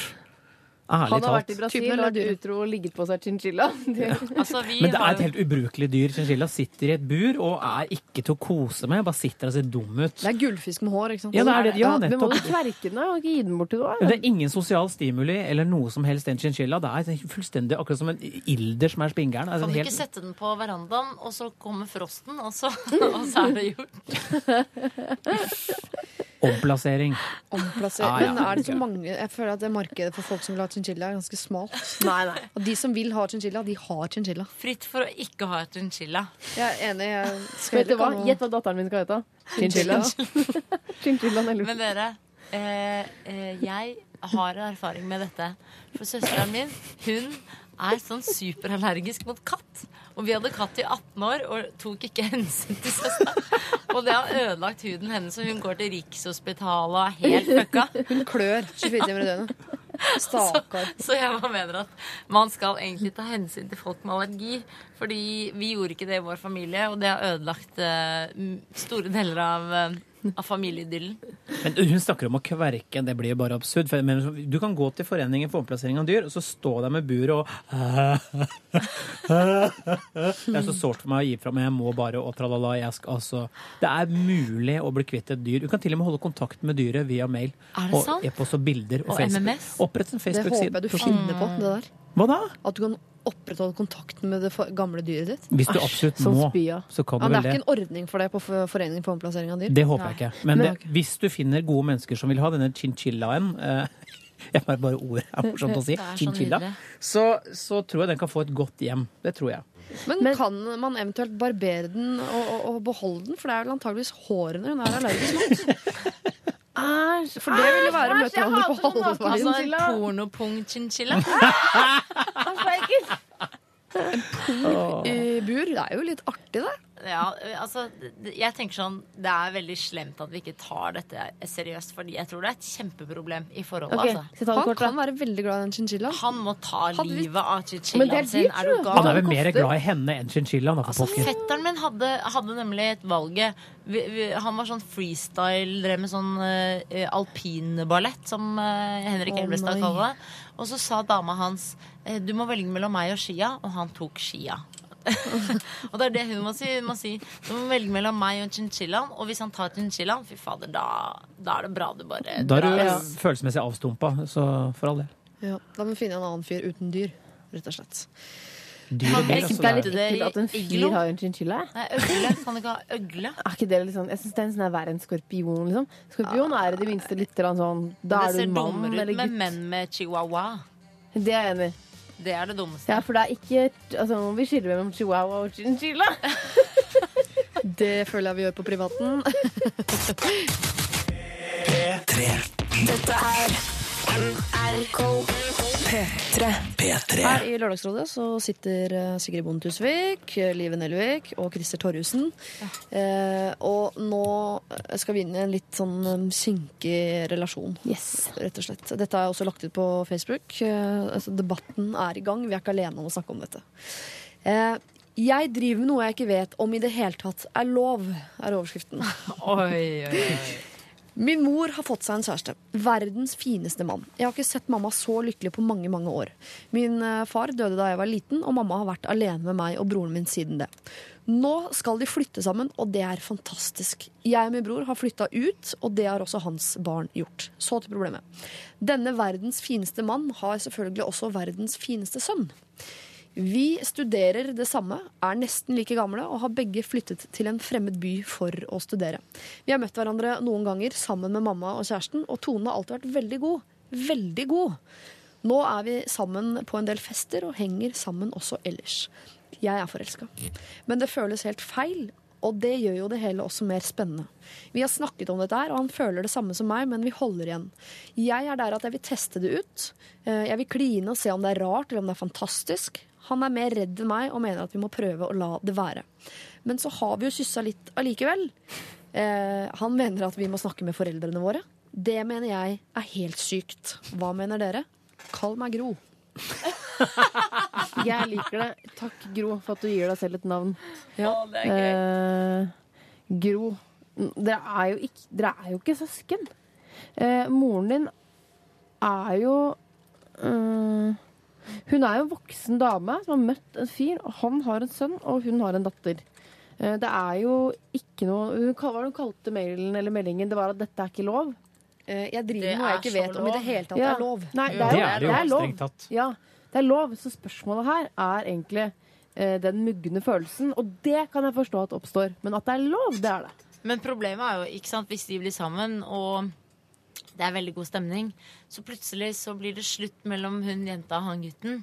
Og så må de feire jul sammen likevel og sånn. Ja, men de er jo voksne. Ja, det er sant. Jo, Men- Det står her på Facebook. Linda, uh, Linda har skrevet inn komplisert om det blir et brudd og man fremdeles må forholde seg til eksen som et familiemedlem. Sier Gro. Uh, nei, en på Facebook her, og Ida skriver også at førstemann til forelskelsen har førsterett. Nummer to må holde seg unna.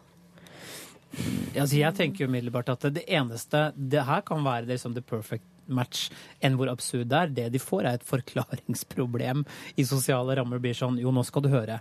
Altså, det er sønnen til han som er sammen med moren min. Altså, det blir et regnestykke for folk å legge sammen. Og hva, hva er det du sier? Hvordan Ja. Det, Det er er jo- ikke noe vanskeligere enn å ha et litt rart navn, så du må alt forklare hvordan det uttales og hvordan Det skrives. det, er litt vanskeligere enn det, Siri. Bitte okay. litt uh, er Og det det er faktisk. ditt, det òg. Måtte alltid forklare navn. Eller alltid forklare Men igjen, når du da, hvis dette La oss si hypotetisk sett at det blir forhold, og de må forklare omgivelsene. Ja, dette har skjedd, så er det sikkert rart en stund på folk, men jeg har hørt om lignende hva heter det, konstellasjoner, er det det heter, som kanskje jeg har sett det på film. Kanskje jeg bare ljuger på noe. Ja, du har hørt om det. Kan- Jeg tror jeg har hørt om det, og det har på en måte sett og vis i hvert fall fungert. Eh, Det Så det er, for det er jo lov. Det har jo ingen, dette er ikke noe blanding av genpool eller uh, tukle med Det er jo ikke det. Det er jo ikke noe foreldreskap her liksom, på noen som helst måte. Er det noe trøst i at ryktet om dette kommer til å spre seg såpass fort, så det er ikke så lenge dere må drive og forklare? For folk Det flest rundt dere kan man kommer til å vite om det før du kommer inn i rommet. Ferdig. Men jeg skjønner jo altså Jeg må innrømme at selv om vi er så Alle sier jo hele tiden det er jo lov. Det er, det er jo lov. Ja. Uh, så jeg blir jo kvalm. jo, jeg blir, jeg blir litt kvalm av det. Det kan du ikke bli. Er du, det er du helt gal. Det er jo helt forelskelse kan man ikke styre. Man kan ikke styre det.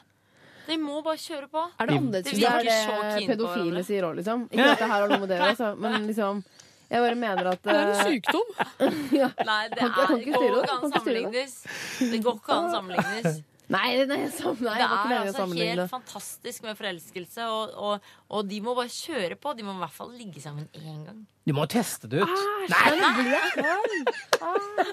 kan Men dere hadde vært annerledes hvis det var andre vei. At hun møtte han først, og så møtte mor-far. Fordi der hadde Ja. Hvis mutter'n nå hadde begynt å deale med faren til lokføreren, eh, hadde da hadde jeg meldt dem ut av familien begge to og sagt vi kommer aldri mer til å snakke sammen. Sånn er det. Ja, men der er du plutselig sånn søtt, da, igjen. Eller er blitt søtere da, Yes, den er veien. søtere. Ja, det er jo det. Da er, da er du plutselig med. Ja. Hvorfor jeg er det? med på Men er to gamle griser fortjener hverandre, liksom. Og det er sånn, nå går det mot slutten. For det er man livets høst, og liksom, de fortjener forelskelsen, liksom. akkurat det. Å ja. Nei, jeg tenker mer, Det er faktisk eh, min framtid som er viktigst her nå. Du har fått en del av din kake, så nå får du bare holde deg unna kakebordet. Herfra ut. Eller finne et annet kakebord. Nei, Jo, det mener jeg. Nå er det jeg som gjelder. er. Det er jeg som gjelder i denne familien her nå.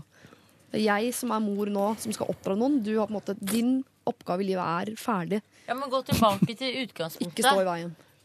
Altså, Hun må få lov til å bli sammen med han sønnen til, da, til typen til mora. Men skal de fortelle det for, til foreldrene? Det Nei, mener nemlig nei. han. Ikke gjør det. Gud, ikke gjør det. Det har ikke det de noen ting med før det må det er serr. Først. Før det er Men- serr.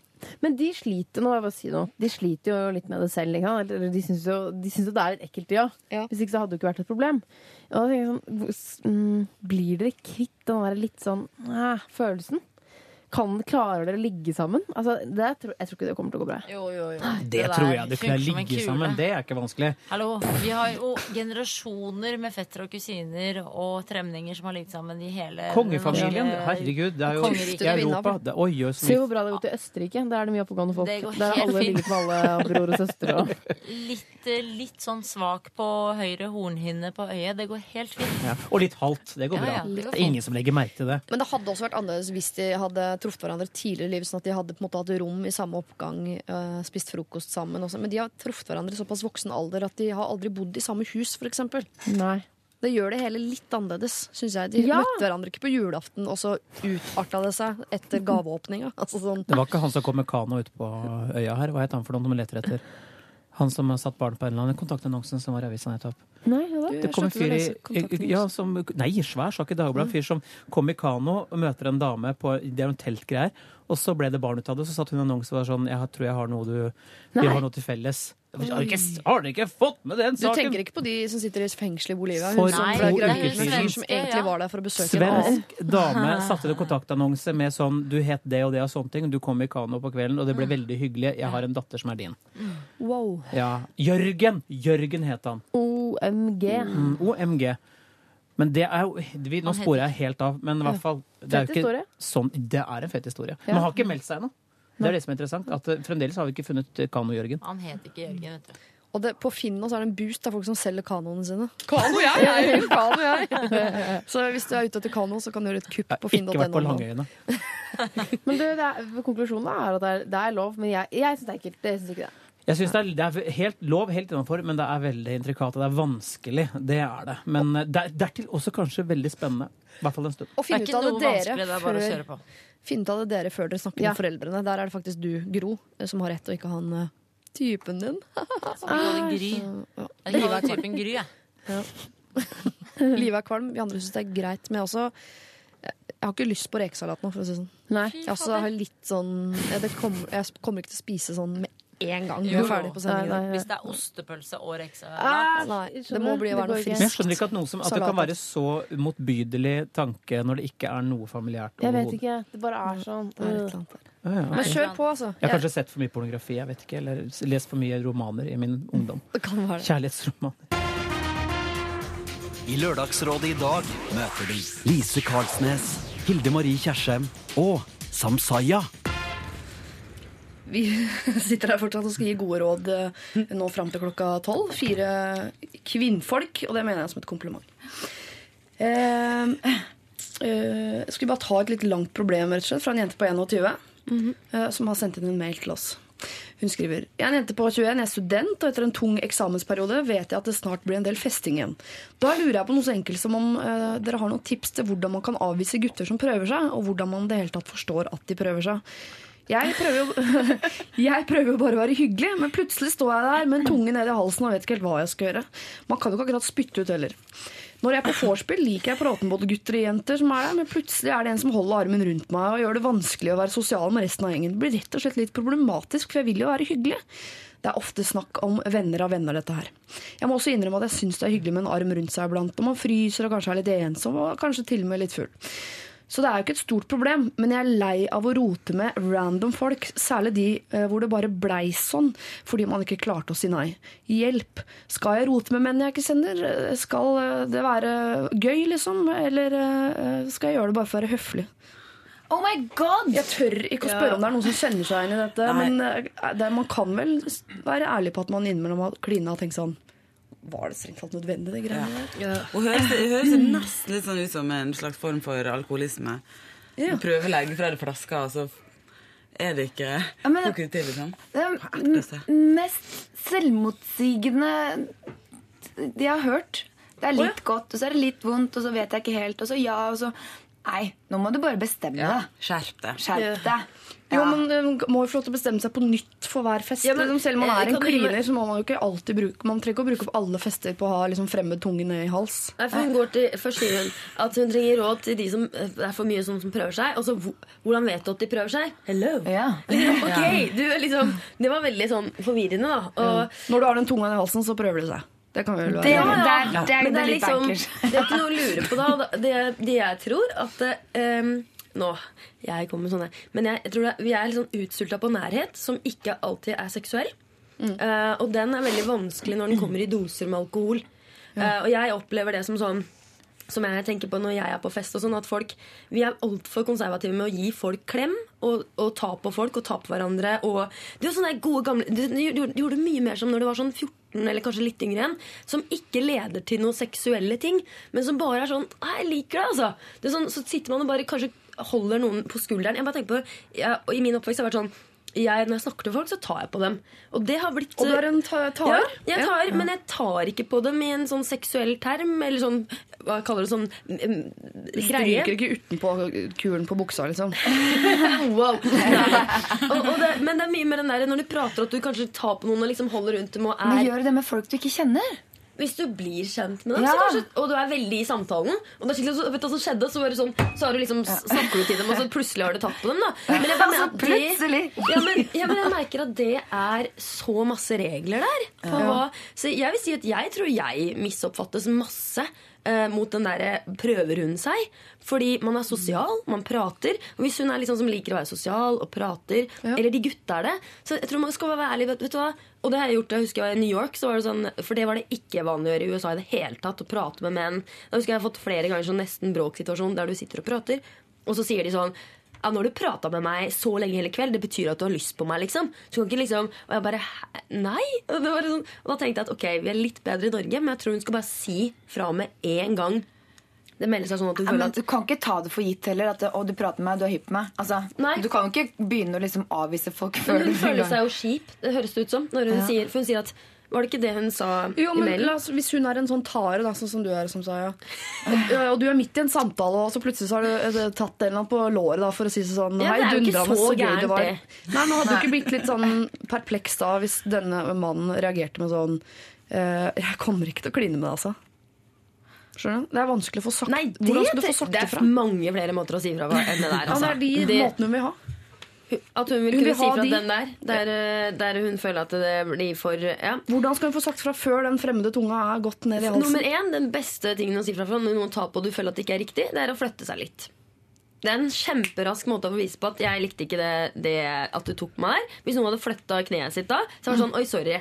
Jeg beklager, jeg ble litt sånn Hæ? Jeg trenger ikke å bare spille med, liksom. Nei. Hvis det er noe som ikke føles rett, så er det jo Man må jo bare si fra. Men øhm, Det er bare, altså, trekk, du vet noen ganger når du er på fest og noen har drukket for mye, og de er for innpå i- i sona di, Ja. så trekker du deg litt tilbake, så skjønner du med en gang Oi.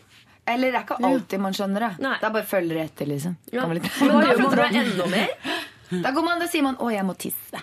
Ja. Ja, men jeg må, på, jeg må Oi sann, hei! Ja, bytt, bytt. Da er det sånn skifte. Da Ja. finner du en venninne eller en annen kompis, og så bare du. Og det er veldig viktig å bryte der, da. Og ikke la det gå så langt at du sitter der og den der tunga i halsen. Da har det gått ganske langt. Altså. Kanskje hun skal alliere seg med en venninne eller sånt, noe, som kanskje veit at hun har det her eh, i gåsehud problemet. Eh, at uh, hvis man er i en, sånn, i en setting hvor noe, det her kan oppstå igjen, da, å ha Nei, å ha liksom en, en, en wingman som tar en ut av situasjonen, det kan kanskje være Og en hund. Og en hund. Ja, nå skal jeg si en ting om det. Det jeg oppfatter Jeg er ikke sikker. Jeg har ikke med Walter nå. Men jeg skal bare si en sånn at eh, kos er undervurdert. Og det høres ut på meg Samtidig som hun sier at hun ikke vil det helt, da, så føler jeg at det er litt sånn, sånn litt behov Som hun sier, at det er litt hyggelig med en arm rundt etterpå, lite grann og sånn. Du vet? Så man har, hun har lyst på litt kos. Og jeg, jeg er tilbake til den der at eh, hvor blir det av den kosen som ikke var seksuell? Hvor er den der vennskapelige liksom, Bare deilig at noen stryker en på Jeg har lyst til å ta på det, jeg. Ja, men det er koselig. Det må det- gjerne ta litt på og det. det er- Dette er radio. Ingen som får seg Fire kvinnfolk. Sorry. Ja. Men uh, Ille Marie Kjerstheim, hvis du har sittet en hel kveld sammen med en fyr Dere har kjempegod tone, og han har tatt på deg, og dere liksom har vært mye sammen og sånn, og så lener du deg inn for det lille kysset, og så er han, blir han helt sånn eh, Nei. Hadde du ikke blitt litt skuffa? Du har lagt en del sånn Du har brukt mye av festen på, på han. Hvordan skal han liksom få avvist deg uten at du liksom føler at du har sløst bort masse tid og, og, og, og touching? Og det var en veldig vanskelig problemstilling, Ja. spør du meg. Jeg syns ikke Åh, Jeg tror jeg hadde blitt dritflau. Ja. Jeg tror jeg hadde følt meg skikkelig avvist, og det hadde blitt en veldig ujevn maktbalanse eh, i- blant meg og han. Ja. Det er jo sikkert det. Hun er jo egentlig en veldig hyggelig jente hun som vil ha hjelp her. For hun, det er jo det hun prøver å unngå. Ja. For har hun sittet og vært hyggelig mot denne fyren hele kvelden, og så vil hun ikke kline. Så hvordan får man gitt den beskjeden? Ja, ja.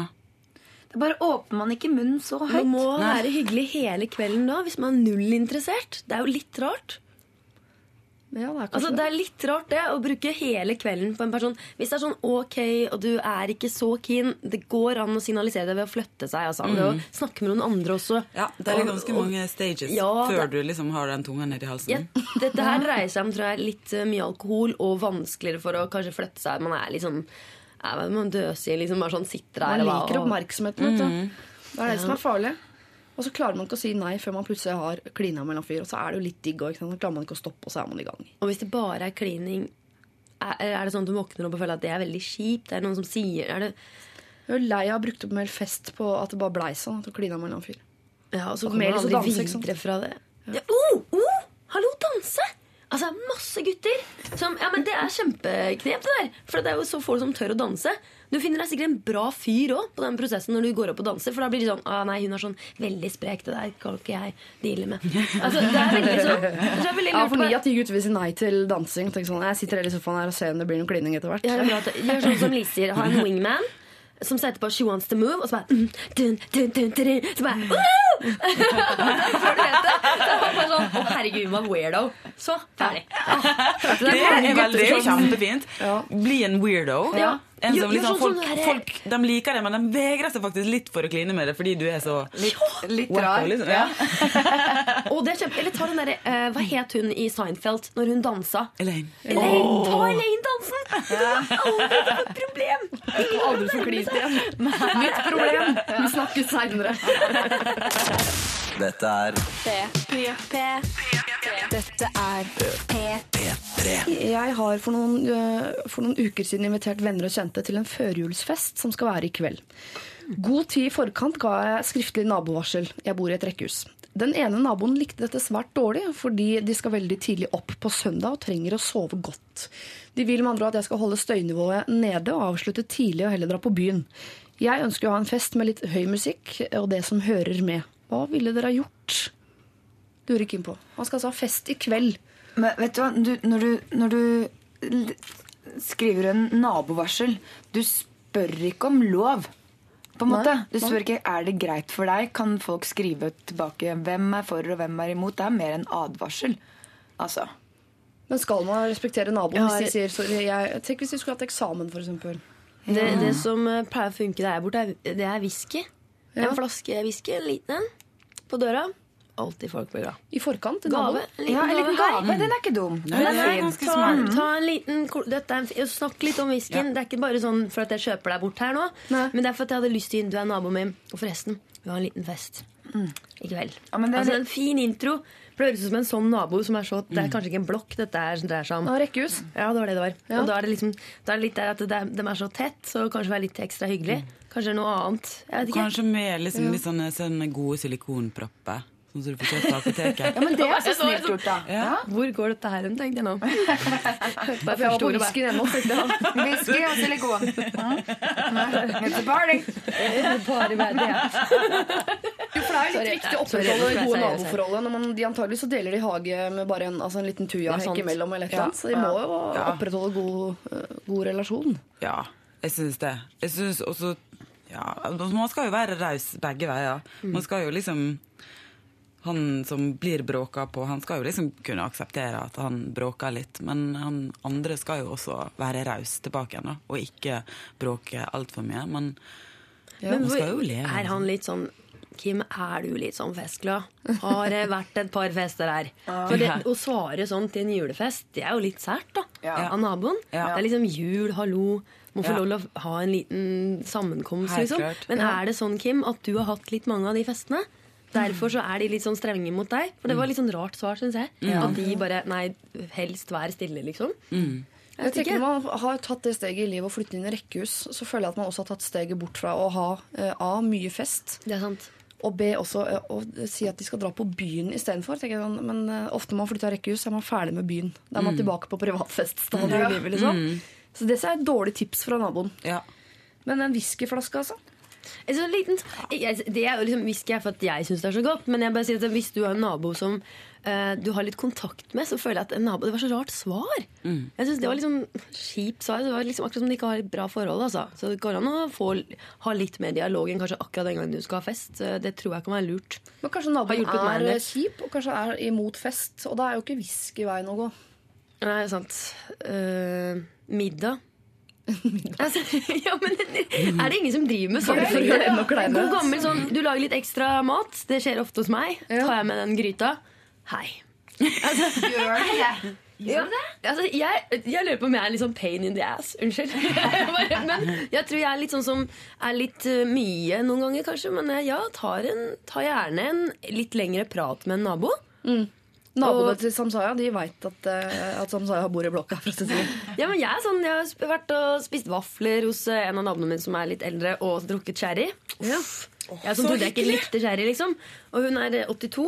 Så jeg, jeg, jeg vet ikke, jeg føler at du bor der. Du gjør, du gjør livet ditt du, altså, Det er mye hyggeligere hvis du kjenner naboene dine. Og jeg, hadde, jeg tror ikke du hadde fått en sånn kjip melding. Du hadde ikke gjort det mot en du kjenner. En julefest er liksom litt hyggelig, og en sammenkomst. Han ber ikke om den verste festen, liksom. Nå er det sant. Det er Men nå er det liksom ganske. Han rekker jo ikke å bygge opp et sånn voldsomt forhold Nei. nå innen i kveld.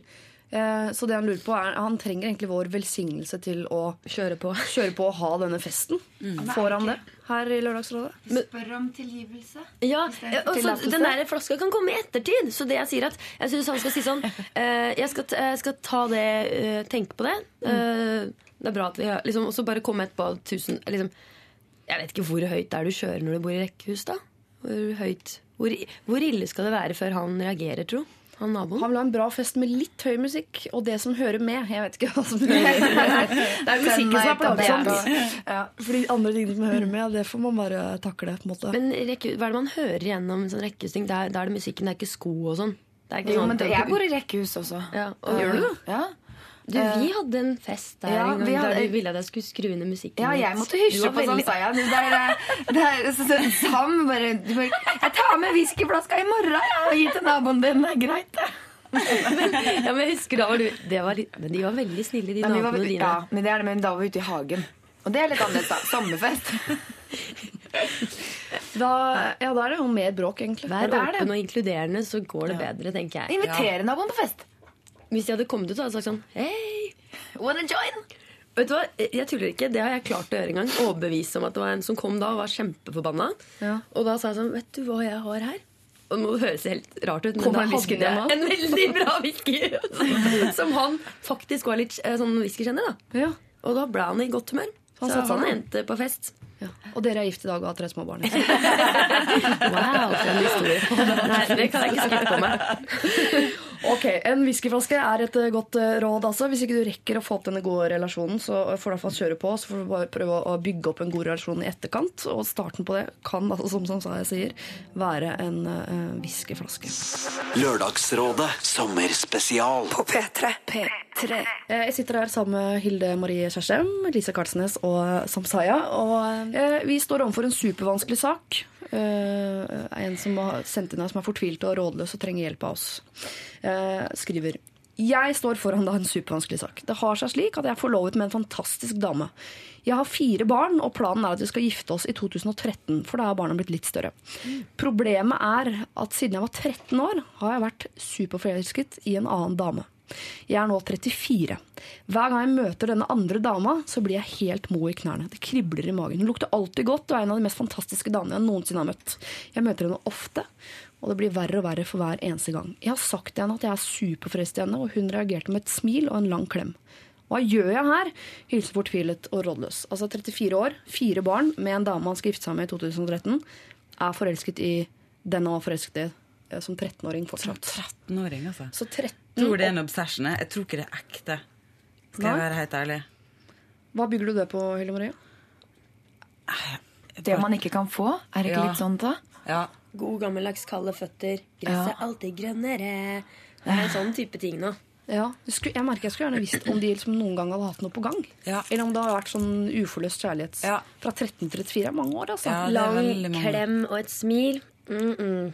Det er ikke helt det man er ute etter hvis man sier at man er interessert. Ai. Da får man noe mer. Det der er egentlig det hun der 21-åringen må gjøre på en fest. Gi folk en lang En klem. lang et smil. klem, et smil. Det var hyggelig. ja. Kjempefint. Ja, faktisk. Men hvis man, han har jo vært forelsket i en dame siden han var 13. Og det har ikke blitt dem. Han har fått fire barn med en annen dame. De skal gifte seg. Burde han ikke fortsatt bare gjøre det? Jo. jo. Nei.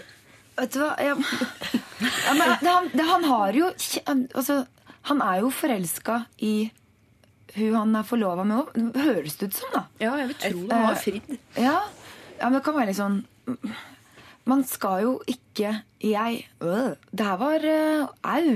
Jeg tror, liksom, jeg tror han, jeg tror han innbiller seg at han alltid har vært forelska i henne. Sorry.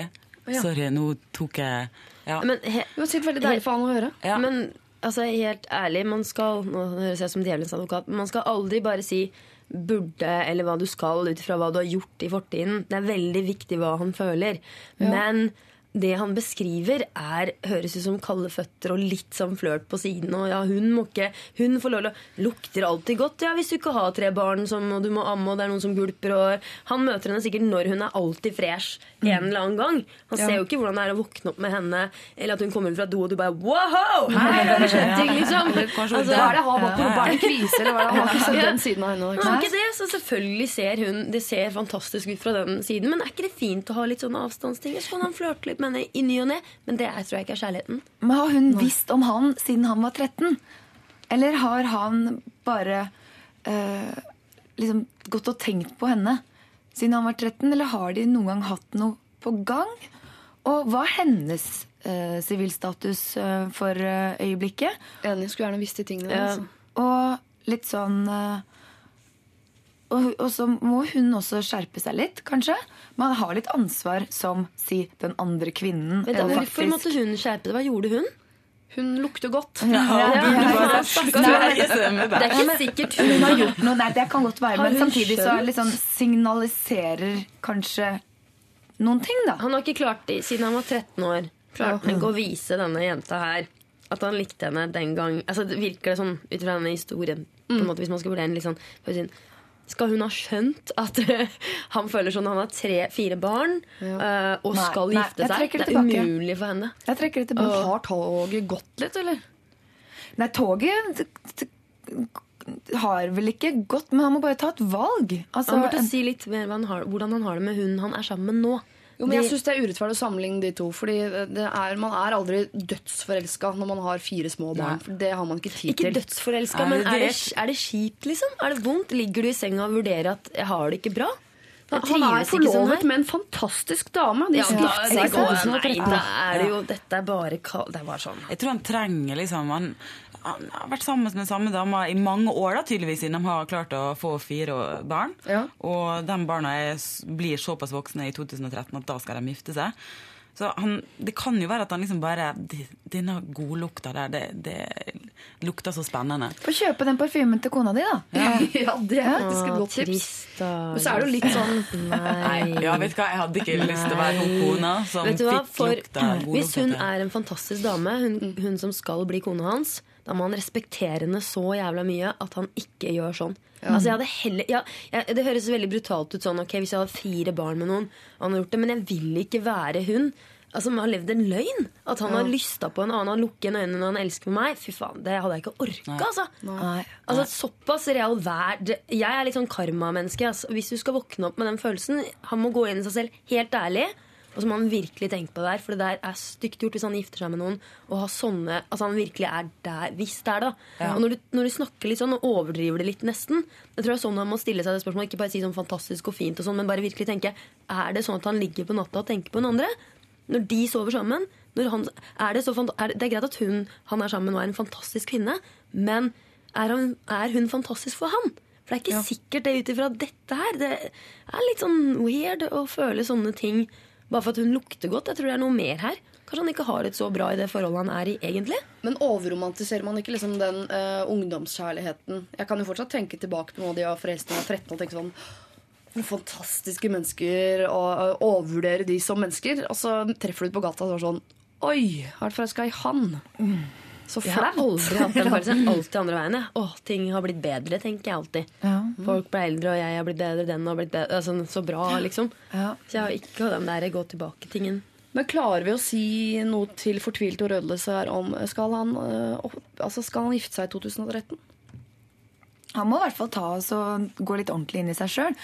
Og det er litt sånn bare fordi at man har barn, og at ting ser veldig fint ut på papiret. Han er sammen med en fantastisk dame, og han har barn, og dette er ting han burde gjøre. Og det, det er ikke noe som Man har litt ansvar overfor seg selv òg, og denne kvinnen man ser for seg at man skal gifte seg med. At det, det må ikke bare være bra i teorien, men i praksis òg. Og han har antageligvis hele livet sitt foran seg. Og nei, Han må bare gå inn i seg sjøl og og bestemme seg for hva han skal gjøre. For det er også vondt å gå rundt og, og lure og veie frem og tilbake hele tiden nå. Og du må ikke gå og lure ho, din forlovede. Ja, og så litt for lenge, Skal han si altså. det til henne, syns du? Nei, Nei, jeg synes først han skal liksom gå i seg sjøl. Ja, liksom som jeg sier her. Han må rydde opp Ja. selv. Dette Man har lov til å finne ut av det mens han er forlovet med denne Ja. barndomsforelskelsen. Ja, Hva mente du med den smilet og den lange klemmen? Var det Nei, altså Da går han jo til henne. Det han må først, hun andre dama. Det han må gjøre nå, er å finne ut, selv uten å vite hva hun andre har å tilby Mm. Man vite, Han sier sånn på papiret 'fantastisk kvinne'. Hun høres ikke så fantastisk ut for han akkurat nå. Den han har nå. Ja. Fordi han selv ikke helt vet. Og jeg synes, Det syns jeg er verst. Det er sånn an, altså ansvarsløshet å skrive fra seg det at kanskje hvis hun andre vil ha meg, da går jeg til henne. Men så dropper jeg henne jeg har, hvis Ja. jeg får en andre. Nei, det er ikke teit, greit, ass. Ja. Det er så teit. Han må er være mann, og så må han spørre seg selv hva er det jeg føler her og nå. Hva vil jeg ha nå? U Jeg har Samme laget- hva han får. Jeg husker Ja, jeg lagde man en har et ansvar overfor barna sine òg, da. Jeg må si at jeg syns det. Men barn, jeg vil jo si ut ifra det man legger, hører om og leser om, og hva folk og venner forteller, så er det alltid sånn at barna tenker jeg er så glad foreldrene mine egentlig skilte seg. ass. Det var jævlig akkurat der og da, men de var ikke bra for hverandre. Det er det mange som, uh, av venner som jeg har som har skilte foreldre, som sier at det var så jævlig den perioden. Jeg husker jeg hata dem for å gjøre det, men nå er jeg så glad. Fordi jeg, de har det bra hver for seg i andre. Og da tenker jeg at han, Det er nå han kan tenke på det. Det der å putte på den ringen og, og inn i mer sånn kompliserte greier. Nei. Hva skal du si? Jeg tenkte at man må alltid Jeg har hatt sånn liste på fire mennesker. Det er liksom de fire store i mitt liv sånn på guttefronten. Og jeg har alltid tenkt uansett hvem jeg har holdt på med av de fire, så jeg har tenkt hvis tre av de, en av de tre andre kommer og banker på døra og sier Siri, det er deg, vi skal gifte oss, kommer jeg da til å forlate den jeg holder på med nå. Eh, og ja, med tre av de så er det sånn hvis han på toppen kommer og ringer på og sier eh, sier sorry, det er deg, det må bli oss, så dumper jeg han jeg er sammen nå. Uh, og det er han jeg er sammen med nå, da, skal sies. Det var han på toppen. Nå er jeg sammen, nå er jeg sammen på toppen av lista, og jeg har gått gjennom de andre og tenkt sånn, hvis noen av de kommer og sier sånn Siri, jeg vil, det er oss, så har jeg sagt sånn mm, mm, sorry. Ja. Du er andreplass. Kan kan ikke han gjøre sånn, da? Tenke sånn? Jo, men det er så jeg bare håper det er- Elimineringsprosessen? Jeg bare håper det er hun kona som Ja, er førsteplassen. Ja. Selv om hun lukter sur melk og ja. Det er jo vanskelig å konkurrere med god lukt når du har eh, gulp på skuldra. Det må sies. Dette er Dette er P3. Og vi skal ta en melding som akkurat har kommet inn. Som jeg tipper har kommet inn i kjølvannet av det vi nettopp har sagt eh, om. Nemlig at man er forelsket i en annen enn den man er sammen med, osv. Det har kommet noe opp den gata. Vi skal ta en kort runde på det. Er det greit å prøve seg på en eks? Det er en fyr jeg har vært samboer med et par år, men har hatt eh, minimal kontakt med de siste årene. Jeg så han igjen på Facebook og ble satt ut av hvor kjekk han har blitt, og begynner å lure på hvorfor ble det egentlig slutt med han. Hva skal jeg gjøre, og hvis jeg skal gå for dette her, hvordan går jeg fram? Det skal også nevnes at jeg ikke har hatt sex på tre år og begynner å bli ganske ensom. Klem. Eh, Jeg vet ikke om han da er den forrige, denne eksen hun har bodd med. Eh, Men det er tydelig at hun har, det har ikke skjedd så mye i hennes liv. Hun hun er jo singel nå, da. Hun er singel, og eksen har blitt kjekk. Men er han singel? Uh, det får vi nesten bare gå ut ifra. Hvis ikke så regner jeg med han hadde Da er det- skrevet det med som et problem. Ja. Ja, men det er jo lov til å prøve seg, da. Ja. Men som regel så er det liksom uh, been there, done that, liksom. Ja. Uh, det er litt sånn, det har begynt å, det har begynt å bli litt tørt nedi Og så tenker du oh! Og så bare Nei. Ja. Jeg tror du så det, det er mitt det. råd, da. Eh, Jeg tror det er veldig rett. ja, men altså, du må gjerne gå tilbake, men eh, du finner nok ganske fort ut hvorfor det blei slutt. Men eh, at hvis du vil gå ned den gamle opptråkte stien en gang til, så, og begge er single, og det er greit, så Nå skal jeg være litt streng og kjip. Og hvis noen hadde tatt kontakt med meg for at jeg plutselig har blitt pen det er sånn åh, spar deg, liksom. det er litt sånn det, var no, det var veldig eh, rar sånn der greie. Og Ja. sånn har slanka seg liksom, for å se flott ut. Vet du hva? Det ser man fort igjennom, altså. Ja, Hun burde i hvert fall ikke si det sånn Du, jeg har ikke hatt sex på tre år. Ja, det ser ut som du har blitt kjekk. Det, var liksom så, det kunne vært så mye annet at jeg føler at i det siste du, du lærer jo, kan lære en del om en person på Facebook hvis de liker å skrive litt om seg selv også, og statusoppdateringer. Det var så mye annet hun kunne ha sagt. At jeg, jeg merker liksom at han er blitt voksen og er litt annerledes nå. Og jeg syns han savner praten vår. Eller vi har ikke liksom fått noen følelse av at hva vet ikke hvor gammel jeg er eller? Er hun bare kåt, liksom? Så Mm. er det jo en del andre ting du kan gjøre. Jeg vet ikke om du skal gå tilbake til eksen din akkurat. Nei. Kan gå inn på YouTube, YouPorn eller et eller annet òg. My friend. Men eh, er- vi så sikre på at han har blitt så kjekk? Kan man stole på de bildene man legger ut av seg selv på på Facebook? Ja. Den der eh, lille elimineringsprosessen der, det er litt sånn derre eh, Er det sånn trygghet hun søker? Skummelt å møte sex, noen nye. med en heit fyr. Ja, men sex kan du jo søke på andre måter. Så hun søker jo trygg sex. Nei, men kanskje det var kanskje veldig noe som bra funka. sex òg, da. Ja, Det sa hun ikke. Det sa hun Hei! ikke. Sa ikke Hvorfor hvorfor det ble slutt. Det virker ikke som hun husker det selv engang. det. Da må hun tenke Nå er det bare Åh, det må være jævlig bra bilder. Kan vi få den status venn? Kan vi få se det bildet før og etter? Kan jeg adde han? Jeg burde det. Er du liksom, adda? Lørdagsrådet adda. Men er det, på generell basis er det en god idé å ligge med eksen? Nå var det noen som måtte tenke med sin egen truseskuff her. Det, det, det trenger ikke å være feil. Nei. Hvis man bare Ja. Hvis man vet hva man går til, og man er eh, to voksne mennesker som begge sier ja. Kan jo være han har blitt sjekket. Det er jo ofte sånn også Hvis man har blitt dumpa, så bestemmer man for sånn Følg med nå. Nå skal jeg bli heit. Det han Ja, det har du ikke blitt sagt noe om. Nei, Den kan han den. litt heit Ja. Kanskje han fordi hun bare skal har få lyst passa på på. Ja. Og, Og har det gått begge veier, liksom. Så han, Så han har hun- blitt kjekkere. Hun har ikke hatt sex på tre år. Er- Betyr det at hun kanskje har forfalt? Uff, det Vil kan de hende. liksom ikke Nei, sorry. Nå var jeg kjip. Du er sikkert smashing baby. Kanskje hun har dumpet han, han har vært lei seg, blitt kjekk. Kanskje hun det. har blitt Ja. uh, Verste scenario. Og så prøver hun seg igjen, og så blir hun avvist. Og da er på en måte verdensbalansen gjenopprettet. ja. Ja, men Det er lov å prøve seg, men jeg synes du skal huske på, prøve å huske hvorfor det ble slutt. Og hvis du ble veldig lei, sist, altså lei deg sist det ble slutt, så syns jeg ikke det er en god idé å prøve å ligge med Så det er der er du det frisk igjen. der Ja. ute. Aka mannfolk. Så, Nå skulle vi hatt en mann her, merker jeg. Lisa? ja, sorry. Ja. Ja. Eh, nei, jeg hadde, nei, Kjør på! Det er en mann sagt. En mann har sagt ja, gress på matta, så er det bare Så det bare å spille den gode gamle. Det er ikke så mye, ja, altså. det er ikke så mye Man trenger ikke å bruke så mye tid på å tenke, og heller bare prøv. Bare prøv. Ja. Ja. Se om det er noe å hente der, altså.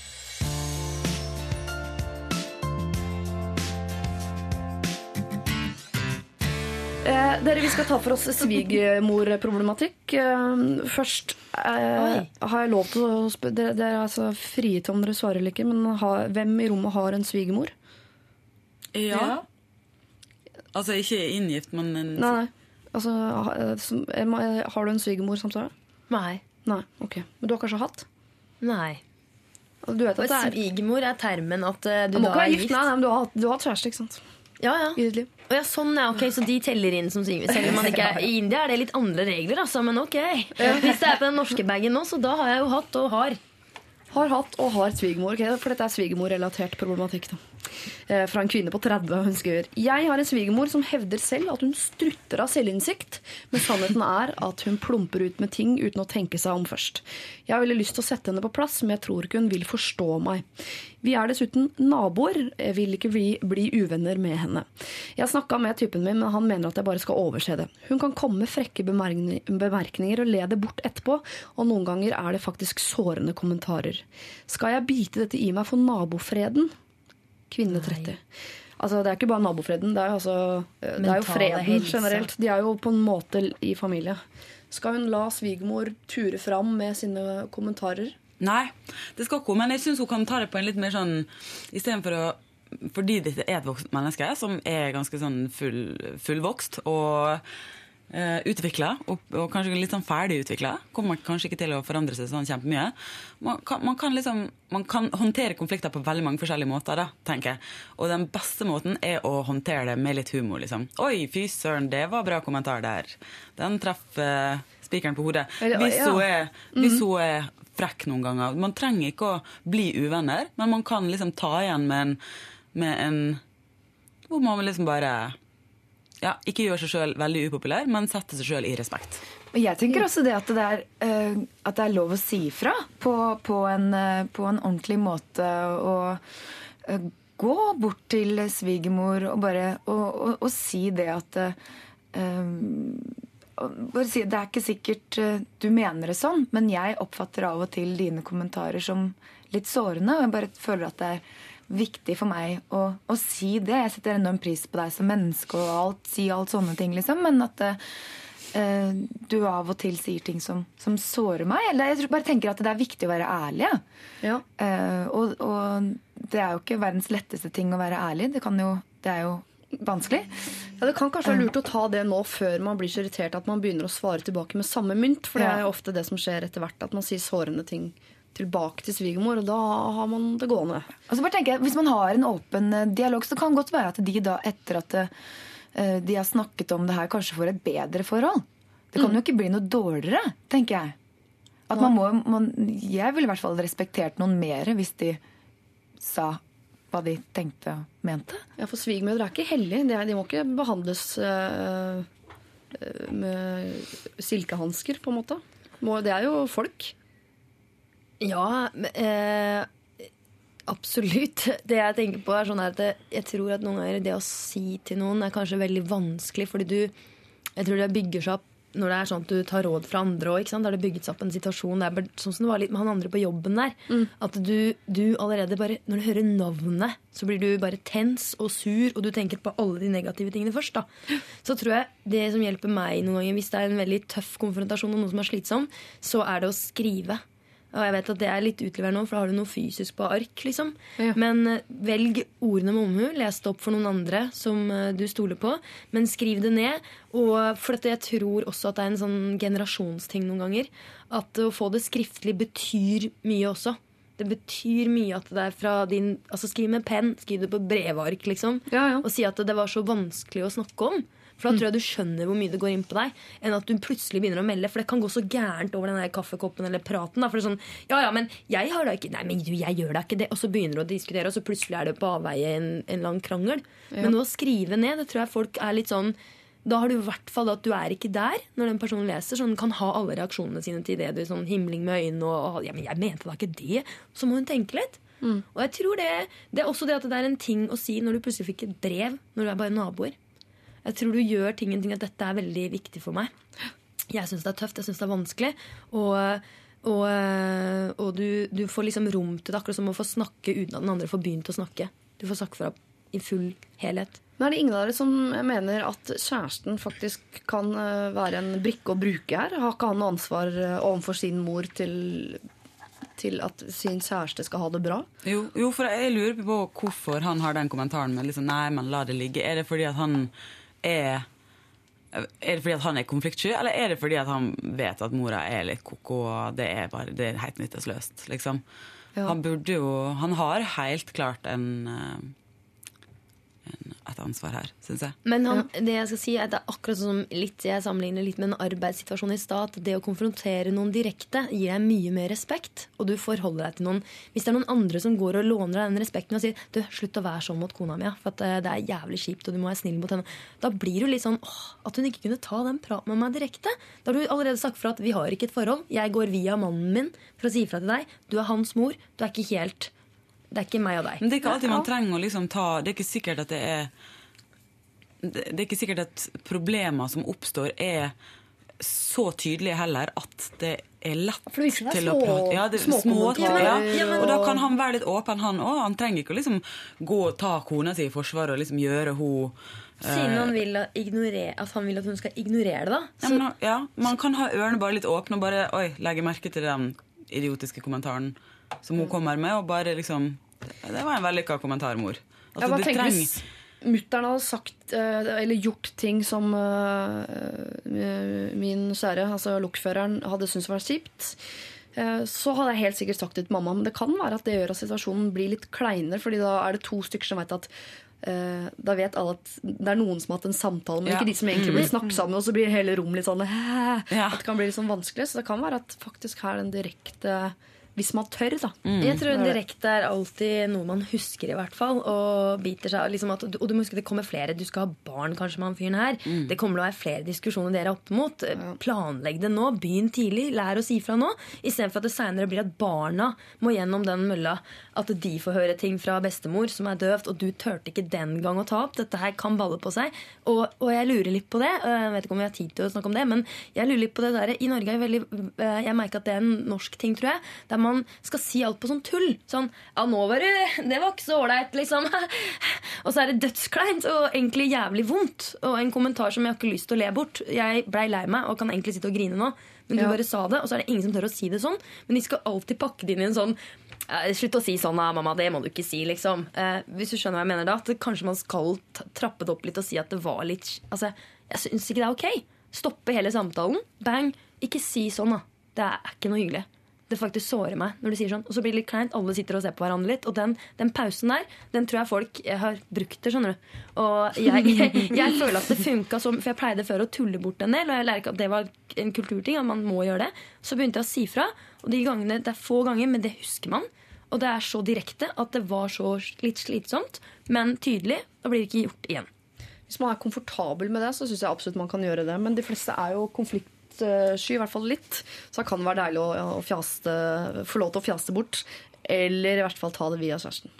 Men man kan kreve at kjæresten tar det opp med moren sin òg. Man skal ikke bare ta til takke med at han sier 'dette her får du bite i deg, frøken'. Det syns jeg ikke man skal. Dette er NRK.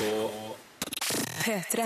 Eh, Det er litt eh, det er veldig kort SMS, men et ganske stort problem kan jeg se for meg. Det er en som eh, har skrevet inn Han kaller seg for Cæsar34. Eh, kanskje han heter det, men det høres veldig ut som sånn eh, innloggingsnavn på en chatteside. Hei sann, jeg er i en situasjon, og situasjonen er at min kone ba om free pass. Hun lover å fortsette å elske meg som før. Eh, Hun syns bare hun trenger å finne seg selv litt. Vi eh, har sammen to barn, en på åtte og en på to. Altså, kone, mann, to barn. Oi. Kona har bedt om free pass. Hun lover å elske han like mye på andre siden. En gang? Free pass er eller? vel Ja, eh, free er vel eh, å få lov til å ligge med en annen. Ja. Er det ikke det? Nei. Er vi imot? Ja. Hadde ikke funka for meg, i hvert fall. Nei. Um, men det er jo folk som ruller sånn. Ja. Men er, det virker ikke som det er ok for han heller, siden han uh, skriver inn her og vil ha råd. Han virker ikke som han er 100 fremmed for tanken heller, for da hadde han vel ikke vært tilbøyelig for råd. Hadde min mann spurt Uh, Er det for seint, egentlig? Unnskyld? hva da? Siden hun spør om free pass. Har det skjedd noe? Det kan hende det er for seint. Og det er litt skummelt når man ber om det, og så har man en spesiell i tankene allerede der, så hadde, ja, det hadde bikka for meg, for å si det sånn. Ja, Finne seg sjæl ved å ha sex med noen andre. Vet ikke. Dårlig unnskyldning. Ja. Ja, det er en litt sånn feig måte å Ja, sorry. Nei, nei å, å, gå- å gå til problem, liksom. Det er en sånn Ja, samtidig, det er jo litt ryddig å spørre, i hvert fall. da. De fleste jo. ville jo ikke gjort det. Ja, men du får ikke bare for at du Nei. Bare for at du liksom sier eh, dette, Du sier det høyt. Du får ikke poeng og klapp på skuldra for Nei, det. altså. vet du, hva, det er også sånn illusjonsverden. Jeg er så ærlig, derfor er alt så greit. Nei. Akkurat der er jeg enig med det der at det, det går ikke. Men jeg bare lurer på La oss snu litt på det. Det er mannen som spør om en free pass, Ja. ikke kona. Det er liksom bare, det Er det annerledes? det, det, høres jo Jeg syns bare hele greia Det er ikke Det går ikke. Det er en dårlig ting, og det, eh, det er Da er hun ikke glad i deg. Hvis det er det, det der free pass-greiene, det, det høres helt Da hadde jeg litt spurt sånn Er det noe som Vi tenner ikke hverandre? Hva er det som skjer? Men, men sier hun det? Sier hun at hun har tenkt å ligge med en annen? Det er det man sier når man spør om free pass. Ja, men- eller er det det? Er det bare liksom at hun, hun har lyst til å bo for seg sjøl en periode? Og jeg, jeg kommer til å ville tilbake til det. Jeg har bare litt sånn behov for å bo for meg sjøl. Gå og drikke den caffè latten akkurat når jeg har lyst til det. Ja, jeg leste sex inn i det med en gang. Kanskje Ja, jeg ja. bare er uh... Jeg også tenkte Ja, men free pass høres Det høres sex ut, liksom. ja, det det det. hadde nok vært litt mer spesifikt spesifikk Ja. på at hun vil flytte fra meg et halvt år for å så komme tilbake. Men det er Han kan jo istedenfor å si nei Så virker som Han liksom ikke Han er jo ikke sånn som en gang sier sånn Nei, det er helt uaktuelt. Så kan han si sånn Ja, ok, eh, men da må det være med en annen dame som er finere enn deg, og jeg må få se på, det skal filmes. skal se om hvor viktig det er for henne. At han kan bare sette noen regler som gjør at hun trekker tilbake spørsmålet ja, ja, men samtidig så med en, Det er også kan, Nå vet jeg ikke, men det er litt det at det man ikke får lov til, det vil man. Og kanskje, mer, kanskje ja. hvis han sier OK, det er greit. Så kanskje ikke det er så, så, så, så, så interessant lenger. Jeg vet ikke. Tenk hvis hun gjør det. Da sitter han der. Ja, jeg bare Ja. synes sånn, Ikke si noe er greit hvis det ikke er det. Jeg hadde vært veldig ærlig om det og bare sagt sånn, hva føler du? Jeg hadde, tror jeg hadde spydd momentant hvis en av det som jeg er veldig glad i å ha barn med, og jeg tror vi har livet vårt sammen, og så kommer han og sier du, jeg har tenkt på en ting at uh, jeg bare lurer på, jeg, jeg, jeg er så glad i deg, jeg elsker deg, men jeg trenger liksom en free pass. da. Jeg har bare lyst en gang å Pule med andre, liksom? Mm. Da hadde jeg bare Liksom. så det er litt sånn derre Ok, great, livet er over. Jeg elsker deg ikke etter det. Ok? Du kan elske meg etter meg, men jeg gjør ikke det. Så gå og gjør det, Det du. blir. Maktbalansen der blir ja, bare helt den derre Du mener, altså, ja, det, det, Altså, skal man Om det er mannen eller kona, så sier jeg bare gå og gjør det. For du kan ikke stoppe noen hvis det er det man vil da. Men da kan du ikke regne med at jeg elsker deg etterpå. Er du gæren? Da får Liksom? du ta den sjansen. Hvem veit? Man vet ikke hvordan man kommer til å reagere på sånne ting. Ja. Man skal være ganske Ja, man skal veie litt sånn for og imot og se om det er verdt det, altså. Jeg tror til og med de rauseste altså, Dere vet sånne forhold hvor eh, som alle dører er åpne, og nei, her alt er lov, og ikke noe utroskap, og vi er bare veldig ærlige med hverandre. Mm. Jeg, Jeg tror ikke noe på det. Nei. Nei. Jeg tror ikke det fins. Nei, og så tror jeg liksom Hvis han gir henne det freepasset, så har han på en måte vært med på det, da. Uh, altså, da er han på en måte Hvis, hvis, hvis det skal vise seg at hun, hun bruker det freepasset og gjør alt hva faen hun vil, og så bare funker ikke det for dem to å gå sammen igjen, fordi at nå har hun faktisk gjort noe som var skikkelig kjipt, Ja. og det føltes helt ekkelt etterpå, så har han på en måte vært litt med på å tillate at det skulle skje. Hvis han sier nei, vet du hva, det har hvis du skal være sammen med meg, så skal du være sammen med meg. Mm. Så må hun nesten ta stilling til det, og så får hun heller stikke, da. Mm, Hvis, Og hvorfor skal man få lov til å få sånn free pass som, altså Det er akkurat som, som Det er rusbrus, det, for meg. Det er sånn, Du får rus, men du får ikke noe smak av den. Altså, det er ikke noe, det er ikke, det, du skal ikke ha helheten, du skal bare ha, du skal ha det beste av alt. Så du skal få lov til å ha mannen din, få lov til å ha barna dine, og få lov til å ha et utroskap. Det er ikke ok, altså. Nei, det er ikke ok. Og du merker jo på Cæsar 34 men jeg merker. Mm. Det er vanskelig å si Cæsar 34 uten å, at det høres litt ut som uh, altså, tittelen på en pornofilm eller sånn. Men eh, jeg skjønner at 34 antakeligvis er alderen, men det er, bare, det er noen andre bjeller som ringer hos meg. Bokstavelig talt. Julebjeller ringer. Men Cæsar syns jo ikke dette her er greit. Han så jeg skjønner ikke hvorfor han i det hele tatt vurderer og Prøver han å være kul, da? Eller kompis Nei, men jeg tror, Hva er alternativene hans? Han tenker at han mister henne, men jeg tror toget har gått. altså. Toget har gått, For du er en fyr som jeg ut ifra det vi leste, i hvert fall nå, så er det tydelig at det her er ikke ok for deg. Stå du kommer til å finne en kjempebra dame som virkelig elsker deg. Hun her elsker deg ikke hvis hun sier sånn. altså. Ja, men, nei, det syns jeg er for bastant å si. Det kan, jeg vi, det. Nei, det kan ikke vi si noen ting om. Men det kan godt være at hun er litt uh, forvirra jeg, ass. akkurat, uh, akkurat nå. Jeg ville gitt Ja, deg julegave. Et par uh, Gi henne- psykologgavekort. psykologgavekort. Mhm. Ikke til deg, men uh, du må bare mm, Snakk med noen andre, men du bare, skal du gjøre noe sånt, så må du vite at det, det får konsekvenser. Det får konsekvenser for uh, forholdet og for maktbalansen. Og hvis det her er noe du ikke uh, syns er kult, så må du si ifra. Og så kommer hun antageligvis til å ta et valg basert på hva du sier. Ja, men du uansett. mener Tenk ikke hun- ærlig nå at 100% hun elsker han når hun spør om det? Nei, men- mener nei, du virkelig? nei. Sitter du her og mener det? Det, Nei, det er nei, vilt, nei. altså, hvis kjæresten Nei. din har sagt det til meg. Nei, men jeg bare sier at vi kan ikke, vi kan ikke sitte her og, og si til han nå at hun elsker deg ikke. Det vet vi ingenting om. Hvis jeg kan si hva jeg føler at hvis noen hadde Ja, vi spurt meg selv, om det Ja, ja, det er det jeg sier. Ja.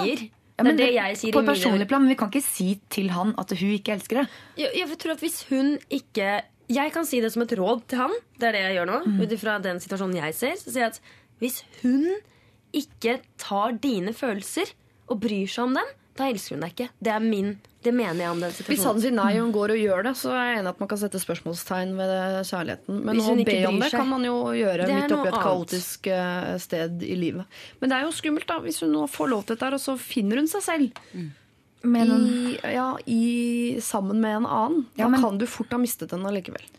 ja, men da er det ikke, det er ikke noe vits i å holde på det. Hvis det er, det, Ja, hvis det er så litt som skal til. Ja, det er det jeg mener. Skulle han vente for eksempel, Dette er veldig interessant. Altså, skal man si sånn som vi sier at siden hun spør bare, og det er ikke så gærent Jeg kan være enig at ok, hun har Allerede spurt, der har du sådd litt tvil, da. Ja, du har jo det. Ja. Du har sådd massivt tvil. Og så kommer du inn, du har gjort det. Så vil ikke han andre ha deg. Du vet ikke helt ikke sant? hvor mye har du involvert deg i finne ut hva er det som egentlig foregikk med den freepassen. Liksom. Så det var bare en på jobb som ville ha det litt gøy. ok Så hun får ikke til noe der. Da vil hun tilbake til tryggheten. Gå tilbake til liksom noe. Eh, Det er jo det du kommer til å føle resten av livet ditt. Og du kommer helt til å lure på det, hva det freepasset dreide seg om. Hvem er den andre personen? Ja. Hva hadde han å tilby? Cæsar, jeg Eh, tror ikke du kommer til å være fornøyd med Du kommer ikke til å trives med å skulle si ja til dette her. Nei, Nei, det høres ikke sånn ut, altså. nei. Ikke gjør det har ansvar for egen inn. uke. Ja. Du får liksom ikke lov å klage heller da, etterpå Nei. hvis det ikke funker. Mm. Jeg kaster inn på slutten at det, kan jo være hun vil finne seg selv at hun lurer på om hun er eh, lesbisk. Men, det, Men det Cesar, får vi snakke om i 2012. Ja, og elsker henne. Dette er Lørdagsrådet på P3. P3.